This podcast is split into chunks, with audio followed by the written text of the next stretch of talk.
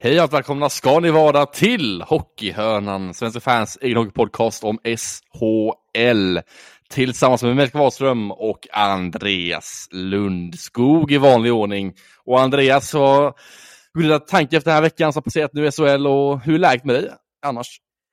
Det är bara finfint! Tackar som frågar, tackar som frågar. Det är bara finfint. Ska imorgon faktiskt rulla ner till Göteborg för bevakning mellan eh, matchen Frölunda och Örebro. Så det ser jag fram emot. Annars så har det varit en fullspäckad hockeyhelg. Eh, annars, ja, det rullar på som det alltid gör den här tiden. Har också sett faktiskt nya Avatar som eh, film ja. på bio och toksågar den här filmen. Nej, nej, lägg inte tre timmar kan jag säga på, på ert liv på den här filmen. För den var, den var riktigt, riktigt dålig faktiskt. Riktigt dålig. Tre timmar på en film tycker jag känns väldigt långt bara. Det känns väldigt långtråkigt bara att tänka på tanken att det, se film i tre timmar. Liksom. Det är inte min grej tror jag inte se så lång Nej, Då kan man lika gärna se, se två och en halv eller en och en halv hockeymatch. Det är mycket, mycket roligare underhållning kan jag säga. För det där hade ingenting. Däremot kan jag rekommendera en annan film och det är um, A Man Called Otto som jag såg faktiskt veckan ja, innan här med uh, Tom Hanks och uh, Eh, den var faktiskt fantastisk. Så där har ni en rekommendation och en toksågning som ni inte ska se. ja, lite filmtid också. Det var lite spontant tycker jag, men det är kul. Ja, ja. Vi måste dra igång här nu. exakt, exakt. stank. Det gäller att börja starkt. Det är klart. Det, eh, själv då? Hur är läget nere i jo. Småland? Jag tycker det rullar på fint där tycker jag. Det börjar solen komma fram lite nu och det är lite varmare nu faktiskt. Och det känns ändå skönt här i Småland tycker jag. Det är behaglig värme behaglig temperatur tycker jag och eh, mycket hockey också, väldigt kul att se på också. Så det, det rullar på livet där borta också tycker jag. Fint att höra och det är skönt att vi inte haft de här riktigt alltså, hemska kyltemperaturerna. Alltså när vi går ner på 9, minus 10, minus 15, minus 20. Det är hemskt tycker jag. Jag tycker ändå att januari hittills har ändå varit ganska så eh, behaglig måste jag faktiskt säga.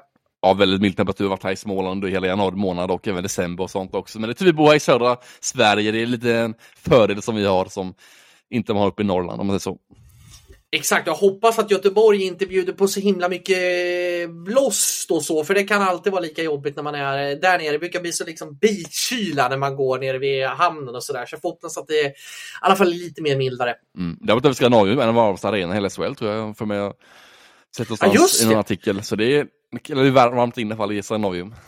Men vet du vilken, vet du vilken SHL-arena som, eh, som Julius Hudacek har sågat belysningen i? Nej. eh, Monitor i ERP Arena faktiskt. Han sa under sin tid i Örebro att, eh, jag vet inte om det var en bortförklaring, för Örebro hade väldigt svårt att vinna i, i Gävle. Och jag har haft det under många år. Och han sa att det berodde på belysningen, att det var så ja. mörkt inne i arenan så man såg inte riktigt. det kan ju vara Ja. ja, det kan man göra i de här tiderna. Så att... Ja, alltså några år sedan dock, men de var lite, de låg lite för tidigt, de där Brynäs. Ja, exakt. Att spara el så var... tidigt.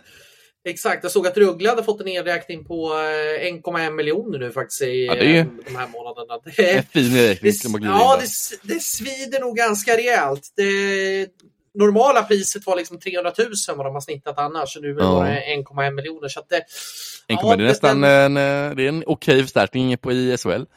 Ja, ja det är det faktiskt. Det är det faktiskt. Själv bor man ju i lägenhet så man har inte drabbats så illa av eh, elpriserna faktiskt. Nej, det är samma här faktiskt. Så det är rätt skönt tycker jag. Det är det, definitivt.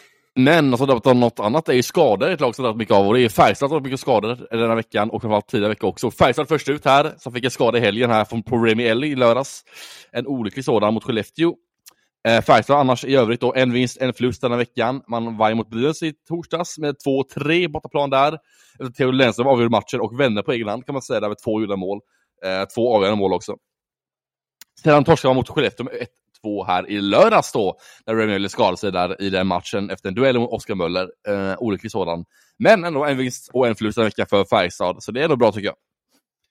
Absolut, och just med, med det som jag sagt hela säsongen, alltså det, skadelistan eh, lider faktiskt lite med Färjestad. Det känns som att det, man har väldigt, väldigt mycket otur. Jag vet inte om det är otur eller om man kanske måste se över någon form av träning eller rehab eller någonting sånt. Men det känns ju som att det är mer otur än att någonting Färjestad kan påverka, att man får så här mycket skador. Det, det är eh, enormt jobbigt och ändå har ju laget gjort det så fantastiskt bra och flera och flera har steppat upp. Men någonstans så kommer man ju till en bristningsgräns. Någonstans går det liksom inte att klona sig själv och man, man måste liksom någonstans hin, hinner skadorna i kapp och jag tror att ska man gå långt så måste man få folk friska. Vet jag väl att Per Åslund var väl ute och körde på is idag tyckte jag såg i alla fall. Mm, ja. eh, och börjar väl närma sig en, en, comeback lite. Men det känns ju som att eh, ja, ska Färjestad gå hela vägen då håller det inte att åka på oss de här smällarna hela tiden även om det är svårt att påverka det. Men för det är mycket på det just det med skador och sånt och försökte göra, jag tänkte göra det reportage men det kanske jag tänkt på många, länge att jag ska göra men det hade lite någonting alls med det där om alla skador i SHL och så här, vilka lag som har minst skador och sånt. Jag tycker det är intressant ändå att se, se lite för det är, man ser en stor skillnad tycker jag i liksom, skademängden. Kolla på Oskarshamn liksom har två skador och haft under hela säsongen, alltså ja, en till två skador liksom. Eh, jag har haft en, alltså under alla år har varit SHL har liksom haft en, två skador hela tiden eh, och inte mer än så liksom Oskarshamn haft. Så det är lite intressant att se lite vilka lag som har minst skador, vilka lag som har mest skador och hur, vad det påverkar liksom, att de har så mycket skador och sånt. Det är lite, inte unikt skulle jag säga att man har så mycket skador, men jag det är fascinerande att se lite vilka skillnader det finns i SHL och bland olika lagen när det gäller skador och hur man liksom tar hand om sina kroppar i liksom SHL-klubbarna, liksom hur man lägger upp träningen för att kunna återhämta sig på ett sätt och kunna vila sig i form liksom också och inte bara köra ut sig max för varje träning eller köra mycket för varje dag liksom. Så det är lite intressant att tänka på, intressant att liksom se över i framtiden och lite hur man ska gå tillväga. Absolut, jag har ju läst på lite faktiskt om så här, just idrottsskador och sådana saker sedan tidigare. Det finns ju lite olika typer av skador. Det finns ju dels de här belastningsskadorna och sådana saker, alltså ljumskproblem och sådana saker. Det kan, ju, det kan man ju påverka i ett lite större liksom, utsträckning med liksom, matchande och hur, hur liksom, man behandlar det, om du ser på träningar och sådana saker. Vad har man för intensitet och sådana saker.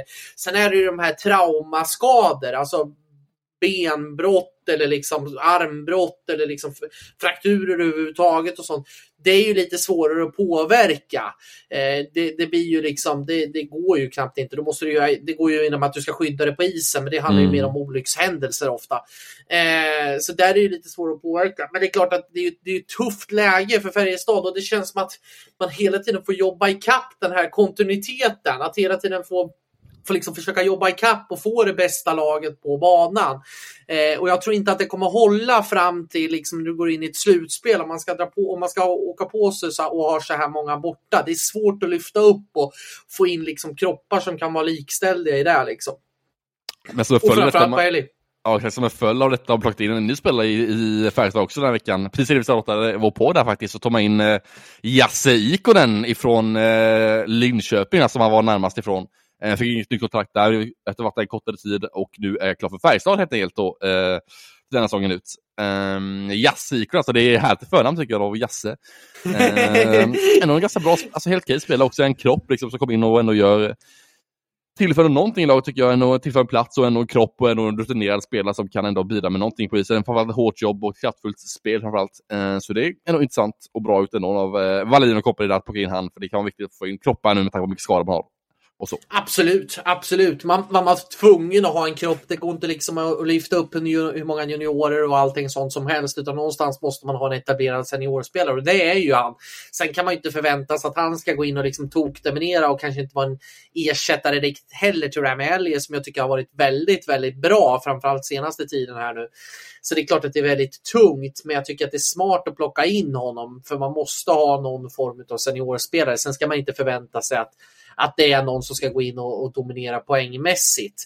Men eh, jag tycker att Färjestad gör det smart och i alla fall tar in någon som är van med SHL, van med tempot här, van i liksom svensk hockey. Så att eh, det tycker jag är ett bra val. Och det säger ju också marknaden. Hade, hade liksom marknaden varit mer utbredd så hade det kanske funnits mycket, mycket mer att kunna ta av. Men nu när marknaden ser ut som den gör, den är ju väldigt, väldigt torftig, så, eh, så eh, tycker jag att det är en smart värvning. Mm, jag tror inte heller att det kommer vara liksom spel som kräver mycket speltid heller, eller spel som kan bli lite ledsaste på bänken eller på läktaren heller. För han kom in i ganska tufft läge, där fick inget jobb alls egentligen, så vi kom till Linköping efter ett klubblöst ett tag och eh, kom från italienska ligan ibland tror jag och sånt. Så det spelar som kanske inte blir jätteledsen eller arg sitter på bänken på läktaren heller, så jag tror det är någon sån spel man kan ta in och då, sen alla friska kan man sätta på läktaren också utan att det blir någon större påföljd av det. Också så jag tror det är smart värvning i många aspekter, tycker jag. Absolut. Jag, jag kommer ihåg när Färjestad tog in Michael Latta, eh, den här nordamerikanen eh, som gick in i några matcher när, när det var en del skador. Det var väl två eller tre säsonger senast och jag tyckte han föll, följde en väldigt bra funktion i just rollen som power forward och sånt. Jag tror kanske att eh, Ikonen kanske kan få någon form av liknande roll här. Eh, gå in, eh, bidra med sitt bästa jag är en kropp som kan fylla ut. Så att, eh, jag tycker det är ganska smart. Man var tvungen att göra någonting och man tog väl det som fanns lite liksom, på marknaden. Jajamän, och nästa lag ut är Frölunda då, som har en match, en vinst denna veckan. Man Nej, en torsk en torsk på en match denna vecka har man Frölunda. Efter en eh, bortatorsk här i fredags mot H71 med 6-3. Eh, Joel Lundqvist ett mål och Jan Murczak med två baljor i den matchen. Eh, och eh, en tråkig fredagskväll för eh, Göteborgsgänget då i Jönköping. Eh, ändå trevligt med fredagsmatch tycker jag. Det är ändå länge sedan det var fredagsmatch i SHL, så det är trevligt med lite fredagsmatch här också. Eh, ja, vi har bara haft en. Matchen. Ja, tidigare haft bara... Ja, tidigare ja. haft en, så det är andra tror jag. I år. Exakt! Jag älskar ju fredagsmatcher. Jag tycker vi ska ta, även om Hockeyallsvenskan vet jag har den och jag har den öronmärkt för att få mer intresse, men jag tycker definitivt lägg Varför inte köra en sån här superfredag med en SHL-match och Hockeyallsvenskan? Börja med en en eh, hockeyallsvensk match, eh, säg 19.00 eller eh, 18.30 någonting och sen så kör du nästa vid 21. Det tycker jag hade varit jävligt coolt att testa på faktiskt. En gång i månaden eller någonting sånt. Det tycker jag hade varit ett riktigt eh, häftigt koncept. Men eh, nog om fredagsmatcher. Om vi ska gå in på Frölundas sportsliga prestationer så var det väl inte jättebra i eh, fredags. Man eh, ja, jag vet inte vad som hände riktigt. Man fick inte mycket att fungera i, i spelet. Powerplayet fortsätter ju vara liksom eh, sju sorger och åtta bedrövelser och, och jag vet inte vad, eh, vad man ska säga. Så att, eh, det var inte jättebra utav eh, Frölunda tycker jag, den här prestationen. Dessutom ska man ju säga att de förlorade också i eh, CHL-semifinalen mot eh, Luleå där på straffar. Mm, en tung vecka för Frölunda som sagt, men eh, ja, sex mål bakåt, och vinner man inte mycket matcher, men om man släpper in så mycket mål under en match, liksom, det är svårt att kunna vinna matcherna då om man släpper in sex mål bakåt. Liksom. Eh, mot Hockeyet också. Eh, så tycker HV var liksom det bättre laget i hela matchen. Tycker jag. Eh, jag tycker HV jobbade ner Frölunda i hela matchen. HV jobbade mycket hårdare. Frölunda hade mycket bättre intensitet i sitt spel och var liksom en, mer energi på slag, lite påslag med energi från start redan tycker jag HV hade och eh, det var väldigt genomgående för hela matchen tycker jag.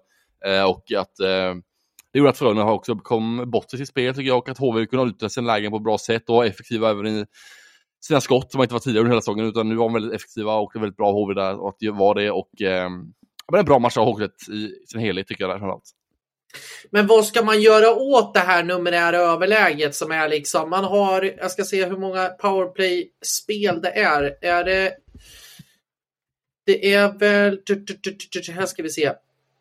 Man har alltså, nu tar vi upp statistikboken här. Man har alltså gjort ett mål på de 24 senaste numerära överlägena. Och man har gjort på de senaste 10 matcherna så har man alltså 22 raka numerära överlägen som man inte har gjort mål i. Mm. Det är ja, alltså det är 44 ohållbart. minuter. Ja. 44 minuter utan mål i powerplay. Ja, det är svårt att säga vad det beror på alltså, nu efter ett tag. Det är hur ska man göra, tänker man då. Liksom det, det är svårt. Alltså, man vill stå fast vid det man har redan. Jag tycker det saknas en skarpskytt som verkligen kan sätta dit lägena um, ehm, i Frölunda. Samtidigt har man inte heller jättekreativt powerspel heller tycker jag inte för en del, så det är svårt att komma till lägen ens, att skottlägen ens, som liksom är bra kvalificerade målchanser i ens powerplay. Det tycker jag är väldigt dåligt för att man inte kommer fram till sådana lägen. Det är svårt att få nörda med det lite mer där under den här kommande veckan och se lite vad Frölunda har gjort för ändringar och om man ska göra andra ändringar. Men jag tycker det saknas skarpskytt och jag tycker det känns väldigt okreativt som sagt. Men det är intressant att följa vad man gör för förändringar i just powerplay-spelet. Ja, för man, jag tycker att det blir lite för mycket om jag, om jag tittar på det så tycker jag att det, det, ser lite, det är lite för duttigt. Jag tycker att man, man har bara skjutit 34 skott på de här, mm. på de här 44 mm. minuterna.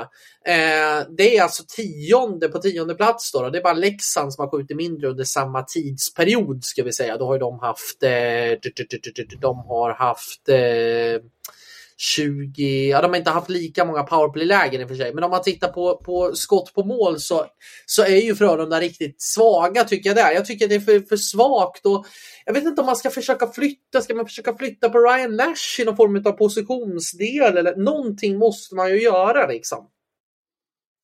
Ja, verkligen. Ja, kanske man skulle kunna göra, flytta bort Ryan Nash, eller ta bort honom helt och hållet kanske till med.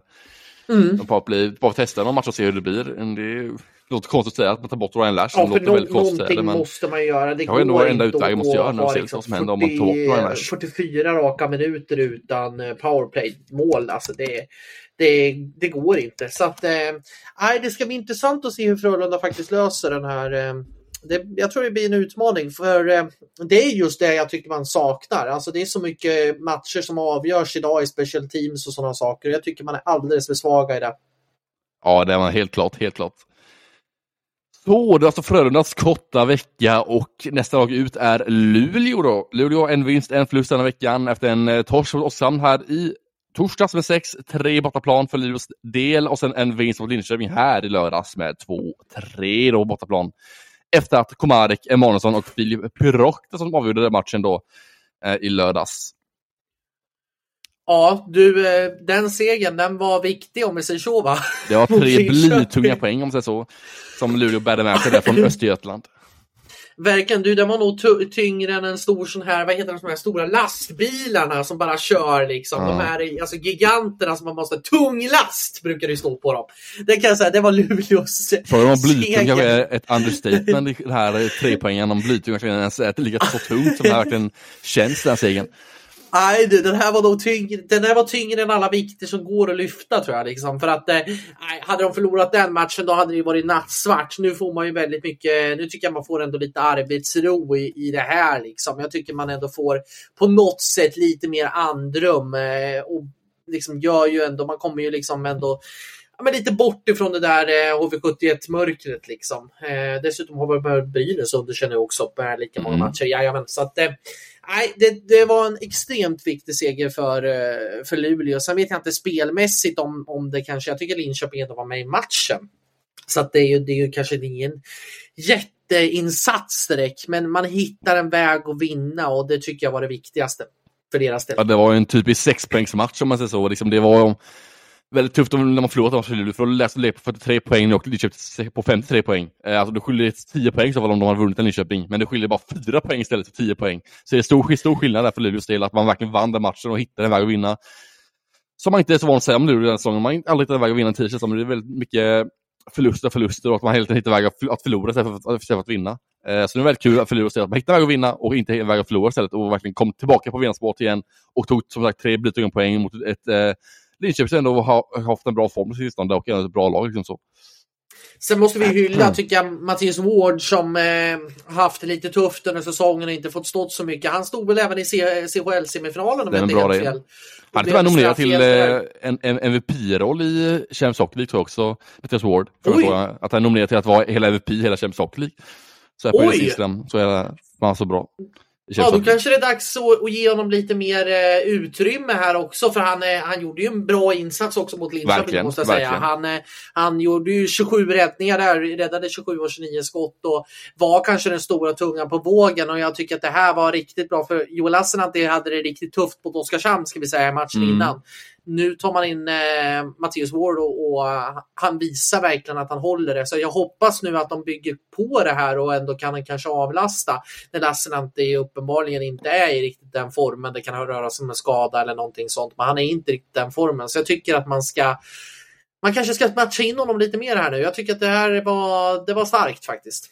Ja, jag tycker ge förtroende tycker jag man ska ge till Mattias Ward. Alltså ge förtroende, ge liksom en, en roll nu som man kan ta för sig på och visa vem man är på riktigt nu på SHL tycker jag. Jag tycker han liksom förtjänat att få, få den liksom, kapaciteten, få den rollen att kunna visa vem man är på SHL-nivå och kunna stå lite matcher i rad till och med.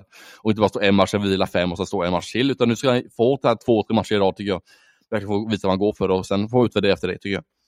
Verkligen, jag håller med helt fullkomligt. Sen, sen blir det ju intressant här hur, hur du ska följa upp det här, för det man måste göra nu, det har ju varit lite tidigare att man har tagit en seger här och där, men sen har man förlorat nästa match. Nu hoppas jag för Luleås del kanske att man kan liksom få lite mer segrar på raken, att det inte ska bli det här förlust, vinst, förlust, vinst, det här liksom guppandet hela tiden, utan att man ändå kan behålla kanske lite stabilare nivå.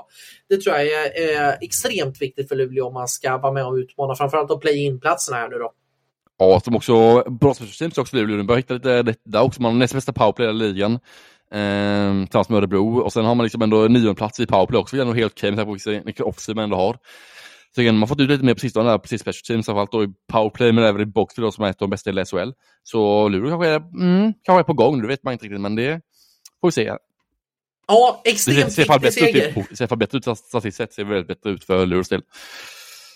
Gå framåt. Jag tror kanske att den här CHL-finalen kanske kan ge lite boost faktiskt. Vi, vi, vet att CHL kanske inte har slagit igenom speciellt mycket, men man är ändå i final nu. Ska möta, eh, visst är det Tappara va?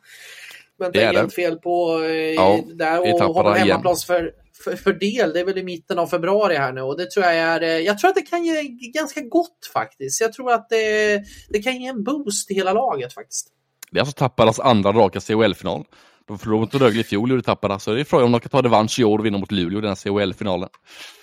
Det här ska bli intressant. Det, det, finalerna brukar ju ändå vara ganska stort intresse kring CHL faktiskt, även här i Sverige. Mm. Det brukar, det vara, brukar vara lite drag mer här. Och kul också att det var två semif svenska semifinallag faktiskt i Frölunda och eh, Luleå. Så att nej, eh, intressant.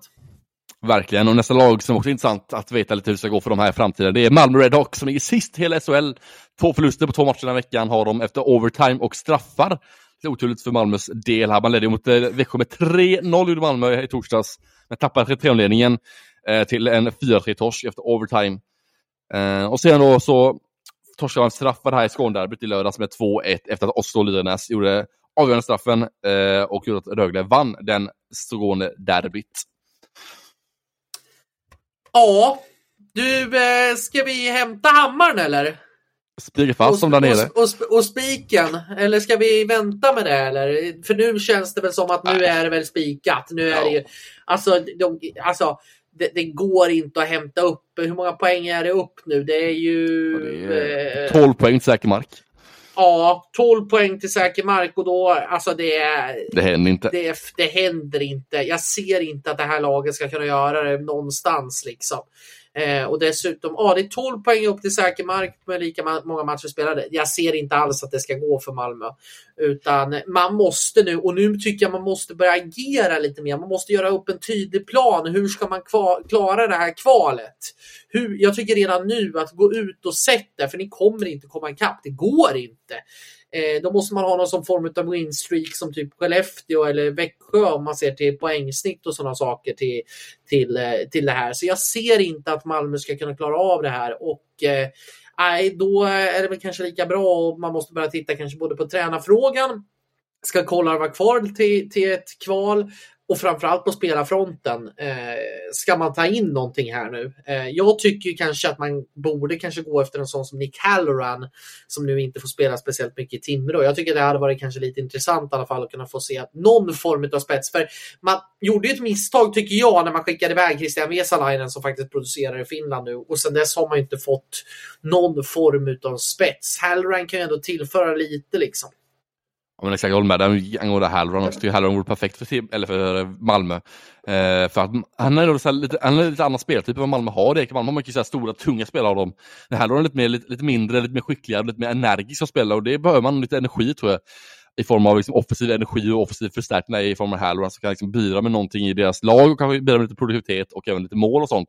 Han har ändå varit ganska bra i Timrå liksom, sett till produktiviteten under säsongen här. Men just det här eh, Hårda jobbet har han inte fått ut i Timrå, men det tror jag han kan få ut i Malmö för att i Malmö kommer han få en annan roll tror jag som en kanske topp 6-forward. Eh, och där han får mycket speltid i powerplay, får speltid i 5 mot 5, mycket i offensiva lägen och sånt som gör att han kan utveckla sina spetsegenskaper på ett sätt. Då. Men just med det där, vi, vi pratar om liksom hårda jobbet och sådär. Är inte det lite problem? Nu går vi in på ett lite större ämne än Malmö, men är inte det lite av ett problem i SHL? Att spelare inte får liksom göra deras öronmärkta roller, att alla måste ta det hårda jobbet. Alla måste göra exakt som, man, som själva spelplanen är. Att man inte, att man, det finns väldigt få spelare tycker jag i SHL som har utpräglade roller. I NHL är det här mycket, mycket mer tydligare. Jag tänker på både Halloran, men jag tänker också på en sån som eh, Fredrik Forsberg i, HV71. Eh, att liksom han är inte den här stenhårda som jobbar den här gritten hela tiden. Men borde inte han ändå få det här förtroendet att liksom glänsa i sin offensiv, glänsa i powerplay hela tiden? Det är lite samma med Halloran kan jag tycka. Ja men verkligen, det är lite så Oskarshamn gjort här, att man ju har After som alltid är offensiva lägen som har Oskarshamn. Det är mycket sätter de här första i offensiva lägen för att de ska producera offensivt och liksom ha pucken offensivt. Det är det de har gjort och det har ju varit en väldigt lyckosam grej. Det är väl två SHL-lag som har tagit över det, eller tagit efter det, eh, sagt. Eh, så det är kanske fler SHL borde göra kanske, men sen måste alla jobba hårt också, för det bidrar till att man får tillbaka pucken och kanske får ner pucken djupt i anfallszonen, skapar ett längre anfall och fler målchanser. Men också vilket är just för att SHL är så jämn och tight liga, där det är många individuellt skickliga spelare, många spelare som liksom ska få de offensiva lägena, många spelare som måste kunna ta ansvar över hela isen också, för det är som sagt väldigt tuff liga. De flesta, de flesta lag har så två, tre liksom, riktigt bra kedjor. Och då gäller det att kunna agera efter det och även kunna bemöta de kedjorna på bäst sätt, även defensivt också. Men just Malmö tycker jag, i Malmö tycker jag man bara ska ta in Halloran för att han sätter han i förstkedjan, ge han bara spelet offensivt, liksom, alltså all, spelar defensivt bara offensivt. Och så får han liksom göra sitt bästa och använda sina bästa egenskaper där helt enkelt och kunna liksom få ut max av hans liksom, offensiv kapacitet. Ja, jag tror kanske att han hade kunnat fått fart på, på Söderberg också på ett helt annat sätt. Kanske en bra passningsuppläggare är ju ganska smart i sitt sätt tycker jag. Jag tycker han har skridskoåkningen före spelsinnet definitivt. Jag tycker ju att det är en, det är en bra SHL-spelare. Jag tyckte att han visade både i Örebro, dippade för sig lite mot slutspelet, men jag tycker att när han kom in i Örebro var han väldigt bra. När han kom in i Timrå var han väldigt bra. Malmö behöver ju en kortsiktig lösning för den här säsongen. Och då tycker jag, för att rädda det här kontraktet, och då tycker jag, sett till marknaden idag, så tycker jag ändå man ska ta in Halloran för att man vet att det är en spelare som i alla fall håller någon form av nivå på SHL. Det vet du inte om du ska gå med någon form av chansnamn som kan bli helt knas liksom. Eh, och dessutom så finns det ju så extremt lite spelare och framförallt den här eh, lite mer spetsiga typen som kanske kan gå in i en första kedja där Malmö skulle vilja ha. För Brunkare, det har ju det här laget så att det räcker och blir över. Man behöver ju någon form av eh, lite mer spets i offensiven och där, det tycker jag faktiskt att Halloran hade varit lysande att fått in. Ja, det finns väldigt få liksom, halmstrån att greppa liksom, för Malmös del. Det är väldigt få på marknaden och eh, tror man tar något chansning här, och det måste man göra för Malmö, för man måste få in liksom, en tydlig injektion lag laget nu, för det är väldigt dåligt som sagt tycker jag så länge och det är liksom man måste få in så mycket som möjligt, eller så mycket som möjligt, men få in kanske två forwards till, en back till kanske för att stärka laget ytterligare liksom. För att få in liksom mer spets och mer kvalitet, ha mer energi i laget, för att bli positivitet och glädje, få lite liksom andra röster och liksom andra liksom spelare från ett annat perspektiv och från ett annat, annat lag som kan komma in liksom med en tydlig injektion direkt. Vad tycker du om tränarfrågan då? Ska man behålla Thomas Kollar nu? Ska man eh, agera och ta in någon form av någon annan tränare? Ska man, eh, vad gör man på träna, i, från tränarledet tycker jag? Vad är det bästa? Ja, jag tycker Kollar känner att han borde ha tappat det liksom, på sistone. Där. Jag tycker mm, Just Växjömatchen är väldigt symbolisk för just Kollars ledarskap och för just Malmö i sin helhet. Liksom man tappar så en, 3 en tydlig 3-0-ledning.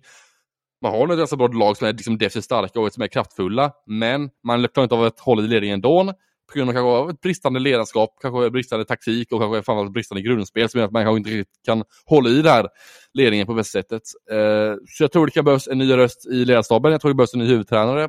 Jag tror Kolla kan behöva ta ett steg åt sidan lite, hamna som assisterande tränare, alltså ta in en ny tränare då och så sparka en assisterande tränare och ta in en huvudtränare. Och Kolla som assisterande den, den, stora frågan är bara vem, vem kan gå in där? Vem vill ta över ett Malmö? Du, jag, jag ja. har ju bara ett enda namn ja, Peter och det är Peter Andersson. Ja, jag tycker det är nog en vass, så här, ja, vass spaning och ändå transfer kan göra en alltså skillnad tror jag i Malmö. Framförallt. Ja men det är en person som har Malmö-hjärta, har spelat där i många år och har liksom har någon form av koppling till klubb, eller har kom, någon form av koppling, han har en jättestor koppling till klubben och liksom mm. någon form av, han, han, kanske inte är den här eh, mysfarbrorn som om du skulle ta in Perra Jonsson eller Nisse Ekman eller någonting, men det kan vara någon som i alla fall går in och sätter ett spel och någon som kan få det här laget att klara sig kvar. Eh, för jag tror också att ledarskapet, precis som du säger, när man tappar en sån stor ledning mot, mot Växjö, nu är Växjö ett väldigt bra lag, men ändå, man måste, man måste, alltså när det är så viktiga poäng, när man inte ens kan vinna de matcherna, då, då, är det, då tycker jag att det är pyspunka i truppen faktiskt. Mm. Jag tycker man borde ta in en annan tränare. Jag tycker man borde ta in Fredrik Söderström från Simor som ny huvudtränare. För jag tycker han är väldigt verbal tränare, ganska mysig herre, men framförallt ska ställa krav också på sina spelare. Han var bra i Oskarshamn när han gjorde sina tränarår där och gjort bra på andra ställen också. Och han har möjlighet att liksom, ta det jobbet i Malmö också. För Simon tycker jag om när liksom, sina experter får tränarjobb, så man kan jobba bara några månader och sen komma tillbaka till Simor sen. Och det, så kan det vara även i detta fallet också med Söderström. Jag tror inte han kommer ta över Malmöjobbet, men jag tror, tycker det är en väldigt intressant liksom, potentiellt namn som kan ta över Malmö kanske på kort sikt och potentiellt liksom, kan göra skillnad med sitt verbala sätt att agera och sitt ledarskap tror jag. kan ändå liksom få spelarna att må bra och känna glädje i Malmö och även därmed kunna prestera också. Vi såg liksom i Brynäs som man gjorde där man tog in liksom ganska så mjuka ledarskapstränare i form av Boumedienne och Nisse Ekman. Ganska två ganska, inte myshärdar var det kanske inte, men liksom tränare med lite annan perspektiv på och framförallt tränare som kanske lite mer ja, men lite, lite mindre krav, men framförallt lite mer så här, att de sprider glädje och energi i laget framförallt. Och det är det jag tycker Malmö behöver nu. Få in nya utifrån, sprida lite glädje och energi. Och där tycker jag att Fredrik Söderström från Simon-studion kan vara ett namn som borde kunna gå in i Malmös ledarstab. Klockren spaning. Det är ju för övrigt min favoritexpert faktiskt ute ja, i Hockey-Sverige om jag ska vara. Han, han, är ju så, han är ju så verbal, så mänsklig, känns väldigt genuin har ett passion för hockey, är jäkligt smart också mm. och kan som du säger att ställa krav och har ju, har ju liksom en gedigen hockeybakgrund, har gjort jättefint med Oskarshamn med små resurser och tog ju dem liksom till, till toppen av hockeyallsvenskan under sin tid där. Jag tycker att det är, det är en person som jag tycker är, eh, ja, men hade varit perfekt då, vid det här läget att kanske ta in. Sen vet jag inte hur intresserad han skulle vara. Nej, det tror jag nog inte han är. Men det, det, det, är ju perfekt namn, mm. men det är frågan om hans eget intresse känner att det skulle vara värt det. För det, det är ju ett tufft uppdrag. Sen är det ju det att Malmö står inför en tuff ekonomisk sits också. Jag läste här i veckan att man eh, gör en ny emission också och försöker få in ännu mer pengar. Och det är det som är också lite press i, i läget på det här också. För vad händer om man åker ner i Hockeyallsvenskan? Då står man med Sveriges största arena helt tom egentligen. Mm i det här läget och man har det väldigt, väldigt, väldigt tufft. Så att eh, det är väldigt hög press. Ändå så tycker jag att man känner från Malmöhåll att man tittar till sportchefen Björn Liljander och sådana saker så, så finns det inte så mycket, det finns ingen tydlig plan tycker jag heller. Det är inte som eh, liksom HV71, nu är HV71 kanske ett större publiklag och får mer publicitet i media. Men där har det ju varit riktigt liksom att ja, men en form av retorik och det har varit förändringar och sådana saker. I Malmö känns det som att man tuggar på någonstans men man ser att, man ser att liksom vägen snart börjar ta slut. Det är liksom, man, man håller på att missa avfarten mot SHL. Eh, en avfart som kommer gå nu via kval då. Men det känns som att man kan åka av den här vägen med Håkansvenskan om det vill sig illa. Så att eh, det känns som att jag skulle, jag skulle vilja se lite mer självinsikt från Malmö faktiskt. Mm, ja, helt klart. Och Malmös vd ordförande sa ju det till tidningarna här för en eh, vecka sedan att eh, om man åker dit till Hockeysvenskan så kan man satsa lika mycket, kan man inte göra som Djurgården eller som HV gjorde. Så det är, alltså om Malmö åker till Hockeysvenskan så är det väldigt tufft att komma upp igen på kort sikt, liksom på ett par år. Liksom, för att på hur bra Hockeysvenskan är och på liksom, mycket utgifter Malmö har, dess ekonomiska situation och hur man kan icke-satsa om man åker ner sen till Hockeysvenskan då. Eh, och inte liksom, ta sig upp kanske direkt tror jag inte då. Så Malmö måste faktiskt stanna kvar i SHL den säsongen för deras egna liksom, ex alltså, e-, existens och framförallt för deras egna ekonomiska del också. Så det är ja. väldigt prekärt läge för Malmö, för Malmö är ett av de lagen i hela SHL som är mest beroende av att vara kvar i SHL ytterligare en säsong till. Särskilt ekonomisk sits och framförallt liksom hur det ser ut på sportliga sidan och sportliga sidan och även hur deras lag ser ut och så vidare. Ja, för det är ju svår balansgång där också. Ska man liksom försöka få och, och, liksom elda upp sig ännu mer att oh, nu ska det hända här och så är det lite som HV där man gör förändringar hela tiden och det finns liksom ingen kontinuitet någonstans utan man bara, man bara kör liksom. Liksom, det är extreme home makeover. Eller ska man köra som Malmö som inte, man har knappt inte hört ett knyst om från den sportsliga ledningen. Man har inte gjort några värvningar, man har inte gjort någonting sånt. Eh, det händer knappt ingenting. Man tuffar på och förlorar hela tiden typ. Eh, någonstans måste man ju hitta en balans. Det måste ju vara någonstans mitt emellan på det här. Liksom. Ja, verkligen. Man måste våga chansa lite med Malmö där. Just nu är det spelarrekrytering och även annat som kan stärka truppen. Verkligen. Men nu går vi vidare från Malmö och vidare till nästa lag som Malmö mötte heller, alltså, vilket var Rögle. Alltså. Det är nästa Skånelag här i SHL och Rögle då har en vinst, en förlust denna veckan efter en torsk mot Linköping här i torsdags med 2-6 och en Skånederbyvinst mot Malmö här i lördags straffar då Oskar Ståhl Lidström stod och avgjorde med sin vackra straff där och vann med 2-1 och då Rögle med andra ord. Eh, helt okej vecka för Rögle tycker jag ändå. Jag tycker mot Malmö var man ganska bra i vissa delar av matchen. Jag tycker Malmö kanske blev, jag tycker Rögle blev väldigt nedtryckta liksom, stor del av matchen av Malmö, liksom, deras, deras kraftfulla spel och deras närkampsspel. Rögle matchade ut deras närkampsspel, tycker jag inte Rögle gjorde i Malmös sätt. Eh, jag tycker Rögle de liksom spelade bra defensivt just i den matchen och var solida över hela banan och eh, en helt okej match för Rögle tycker jag, men de kan defensivt bättre tycker jag. Ja, och det som är lite med Rögle, det är väl som jag sagt hela säsongen, nu har man ju haft en bra formtrend egentligen efter jul och ändå liksom kommit upp sig för man var ju rejält, eh, man var ju nästan på Luleåplats där i liksom innan med den säsongsupptakten man hade. Nu har man i alla fall fått igång lite mer olja i maskineriet. Men det är någonting som gnisslar. För att man hela tiden är så varierande i sin prestationsnivå. Man, det liksom går upp och ner, upp och ner, upp och ner. Och man liksom torskar och sen vinner man och så torskar man igen. Det känns som att man inte har liksom någon form av röd tråd. Det är inte som att eh, ja, men som andra lag, om man säger tittar på de andra topplagen framför allt som Växjö, Skellefteå, Färjestad och Örebro som ändå liksom tuggar i hela tiden det är någonting som gnisslar, gnisslar i Rögle. Jag vet inte vad det är, men det känns som att eh, man når inte ända upp helt enkelt. Nej, det är två, det är två ojämn prestation tycker jag på Rögles sida. Det är väldigt ojämnt i sin prestationer på isen. Har mycket så här, det svajar väldigt mycket just i matcherna också, inte bara just resultatmässigt utan spelmässigt också. Just att, att svaja mycket i matcherna också, alltså från första perioden kan vara jättebra. Så att man kollapsar alltså helt i andra perioden tycker jag, så att man kommer upp lite bättre i tredje perioden också. Det är väldigt svajig prestation i, i matcherna också. Jag tycker det är väldigt påtagligt för Rögle att det leder ofta till att man förlorar matcherna, när man tappar liksom en period.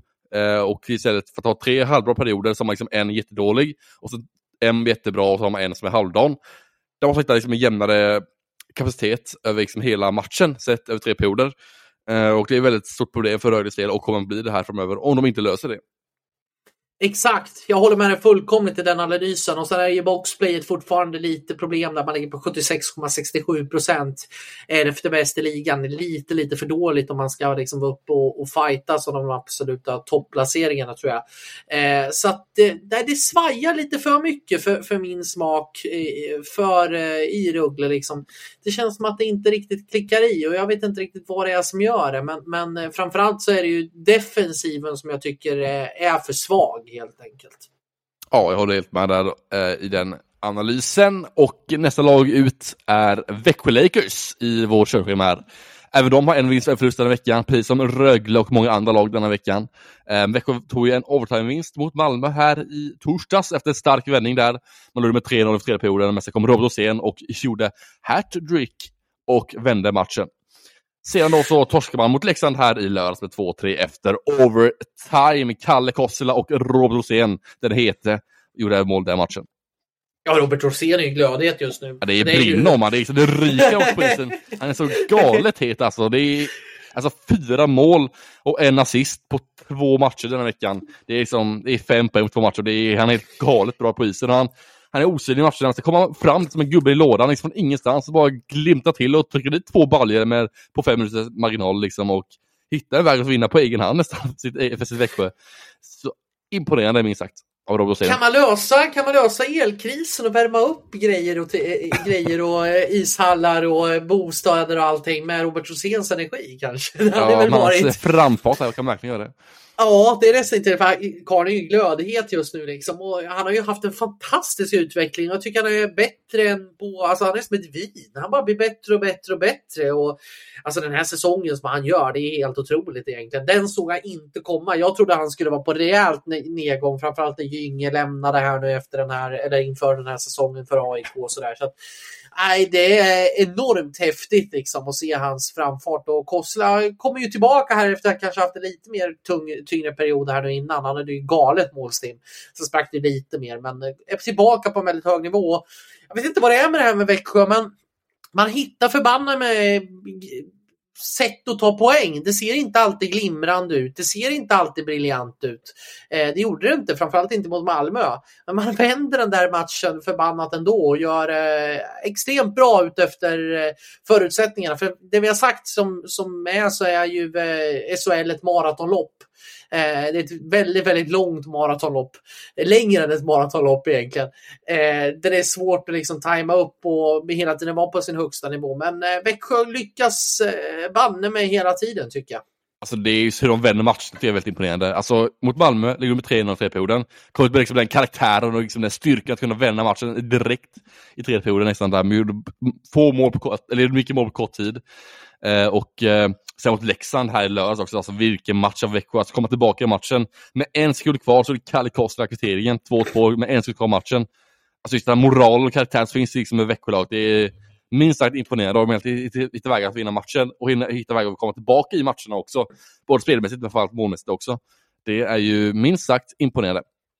Ja men absolut. Alltså jag är, nej, det känns som att man, man har kanske varit lite dåliga i starten under den här veckan. Får ju ett 2-0 underläge också mot Leksand där och som du säger vänder och hamnar ju liksom i baken på så sätt. Men man förbanne med lyckas ta poäng och det är enormt häftigt. Det känns som att Växjö är någon form av sånt här det känns inte som att det är något lag. Det känns som att Jörgen Jönsson har kokat ihop någon, liksom, har stått vid det så här galne professorn-bordet i ett kemiskt labb och tagit ja. fram ett lag som, som knappt inte går och ja, förlorar knappt inte under ordinarie tid. Och det är ju eh, extremt skickligt att, att hela tiden vara på den här nivån och ändå kunna etablera sig. Sen är ju starterna för dåliga den här veckan och det är väl, man hade kunnat ha haft ännu fler poäng om det hade varit bättre där.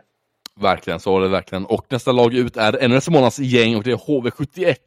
Sen de har en minst en förlust denna vecka, precis som många andra lag som sagt. Och man vann mot Frölunda här i fredags med 6-3. Utan Nick Shaw gjorde ett mål, att Cederby med två gjorda balja och LaLeggia två mål och även Annie Mili tog in en balja i den matchen också. Sen vi torsk mot Örebro här i lördags med 5-2. Så det svajar mycket i HV-prestationen här. Man släppte in fem mål i lördags och gjorde sex mål här i fredags. Eh, men det är två matcher två dagar för, för HVs del, så det är väldigt tufft den veckan för HV med tanke på att man spelar både fredag och lördag. Det blir väldigt, väldigt få tid att vila och återhämta sig ut och väldigt tätt matchande för HVs del. Ja, det var lite väntat tycka... att de förlorade mot Örebro också, det var just den här täta matchningen. Ja, och jag kan tycka att det är lite, jag ska inte säga orättvist, men jag tycker att det är ett lite märkligt upplägg när eh, man väljer att faktiskt spela back-to-back, eller det blir ju inte back-to-back för man möter inte samma lag, men, men när man spelar två dagar på raken. Framförallt när du har ett lag som har fått vila sedan torsdagen då. Eh, det tycker jag känns lite, jag ska inte säga orättvist, men jag tycker det känns som ett konstigt upplägg i schemaläggningen från SHL. Och vi har ju sagt, jag vet ju tidigare, vi hade ju mycket fler back-to-back möten när man spelade fredag-lördag till exempel, eller lördag-söndag tidigare i SHL. Men där vet jag att klubbarna till och med gick in och sa att nej, men vi vill undvika det här så mycket som möjligt. Eh, och därför har man minskat sådana typer av möten för att få en bättre kvalitet på hockeyn. Eh, jag kan tycka det är märkligt att man ställs mot ett lag som ändå har fått vilats i eh, en dag extra. Jag tycker att det är lite eh, oschysst om jag ska säga så. Sen vad det gäller det spelmässiga så sliter jag liksom mitt hår när jag ska analysera HV, för jag blir, inte, jag blir inte klok på det här laget. Man gör en jättefin insats på hemmaplan mot Frölunda. I och för sig en urladdning, så det är klart att det blev, tog väldigt mycket energi. Men så svarar man upp med en ganska svag insats mot Örebro. Alltså, det, är, eh, det var inte bra defensivt. Nej, men jag tycker det är, som du säger, det är två matcher två dagar och det var alltid bottenmatch på lördag också. Det måste också resa från Jönköping till Örebro liksom, eh, på lördag morgon och sen spela match mot Örebro på kvällen. Där. Det, är, liksom, det är mycket som händer där på kort tid. Där. Men liksom, först en match fredagskvällen, resa till Örebro på lördag förmiddag och sen även spela match på lördagskvällen klockan sex där.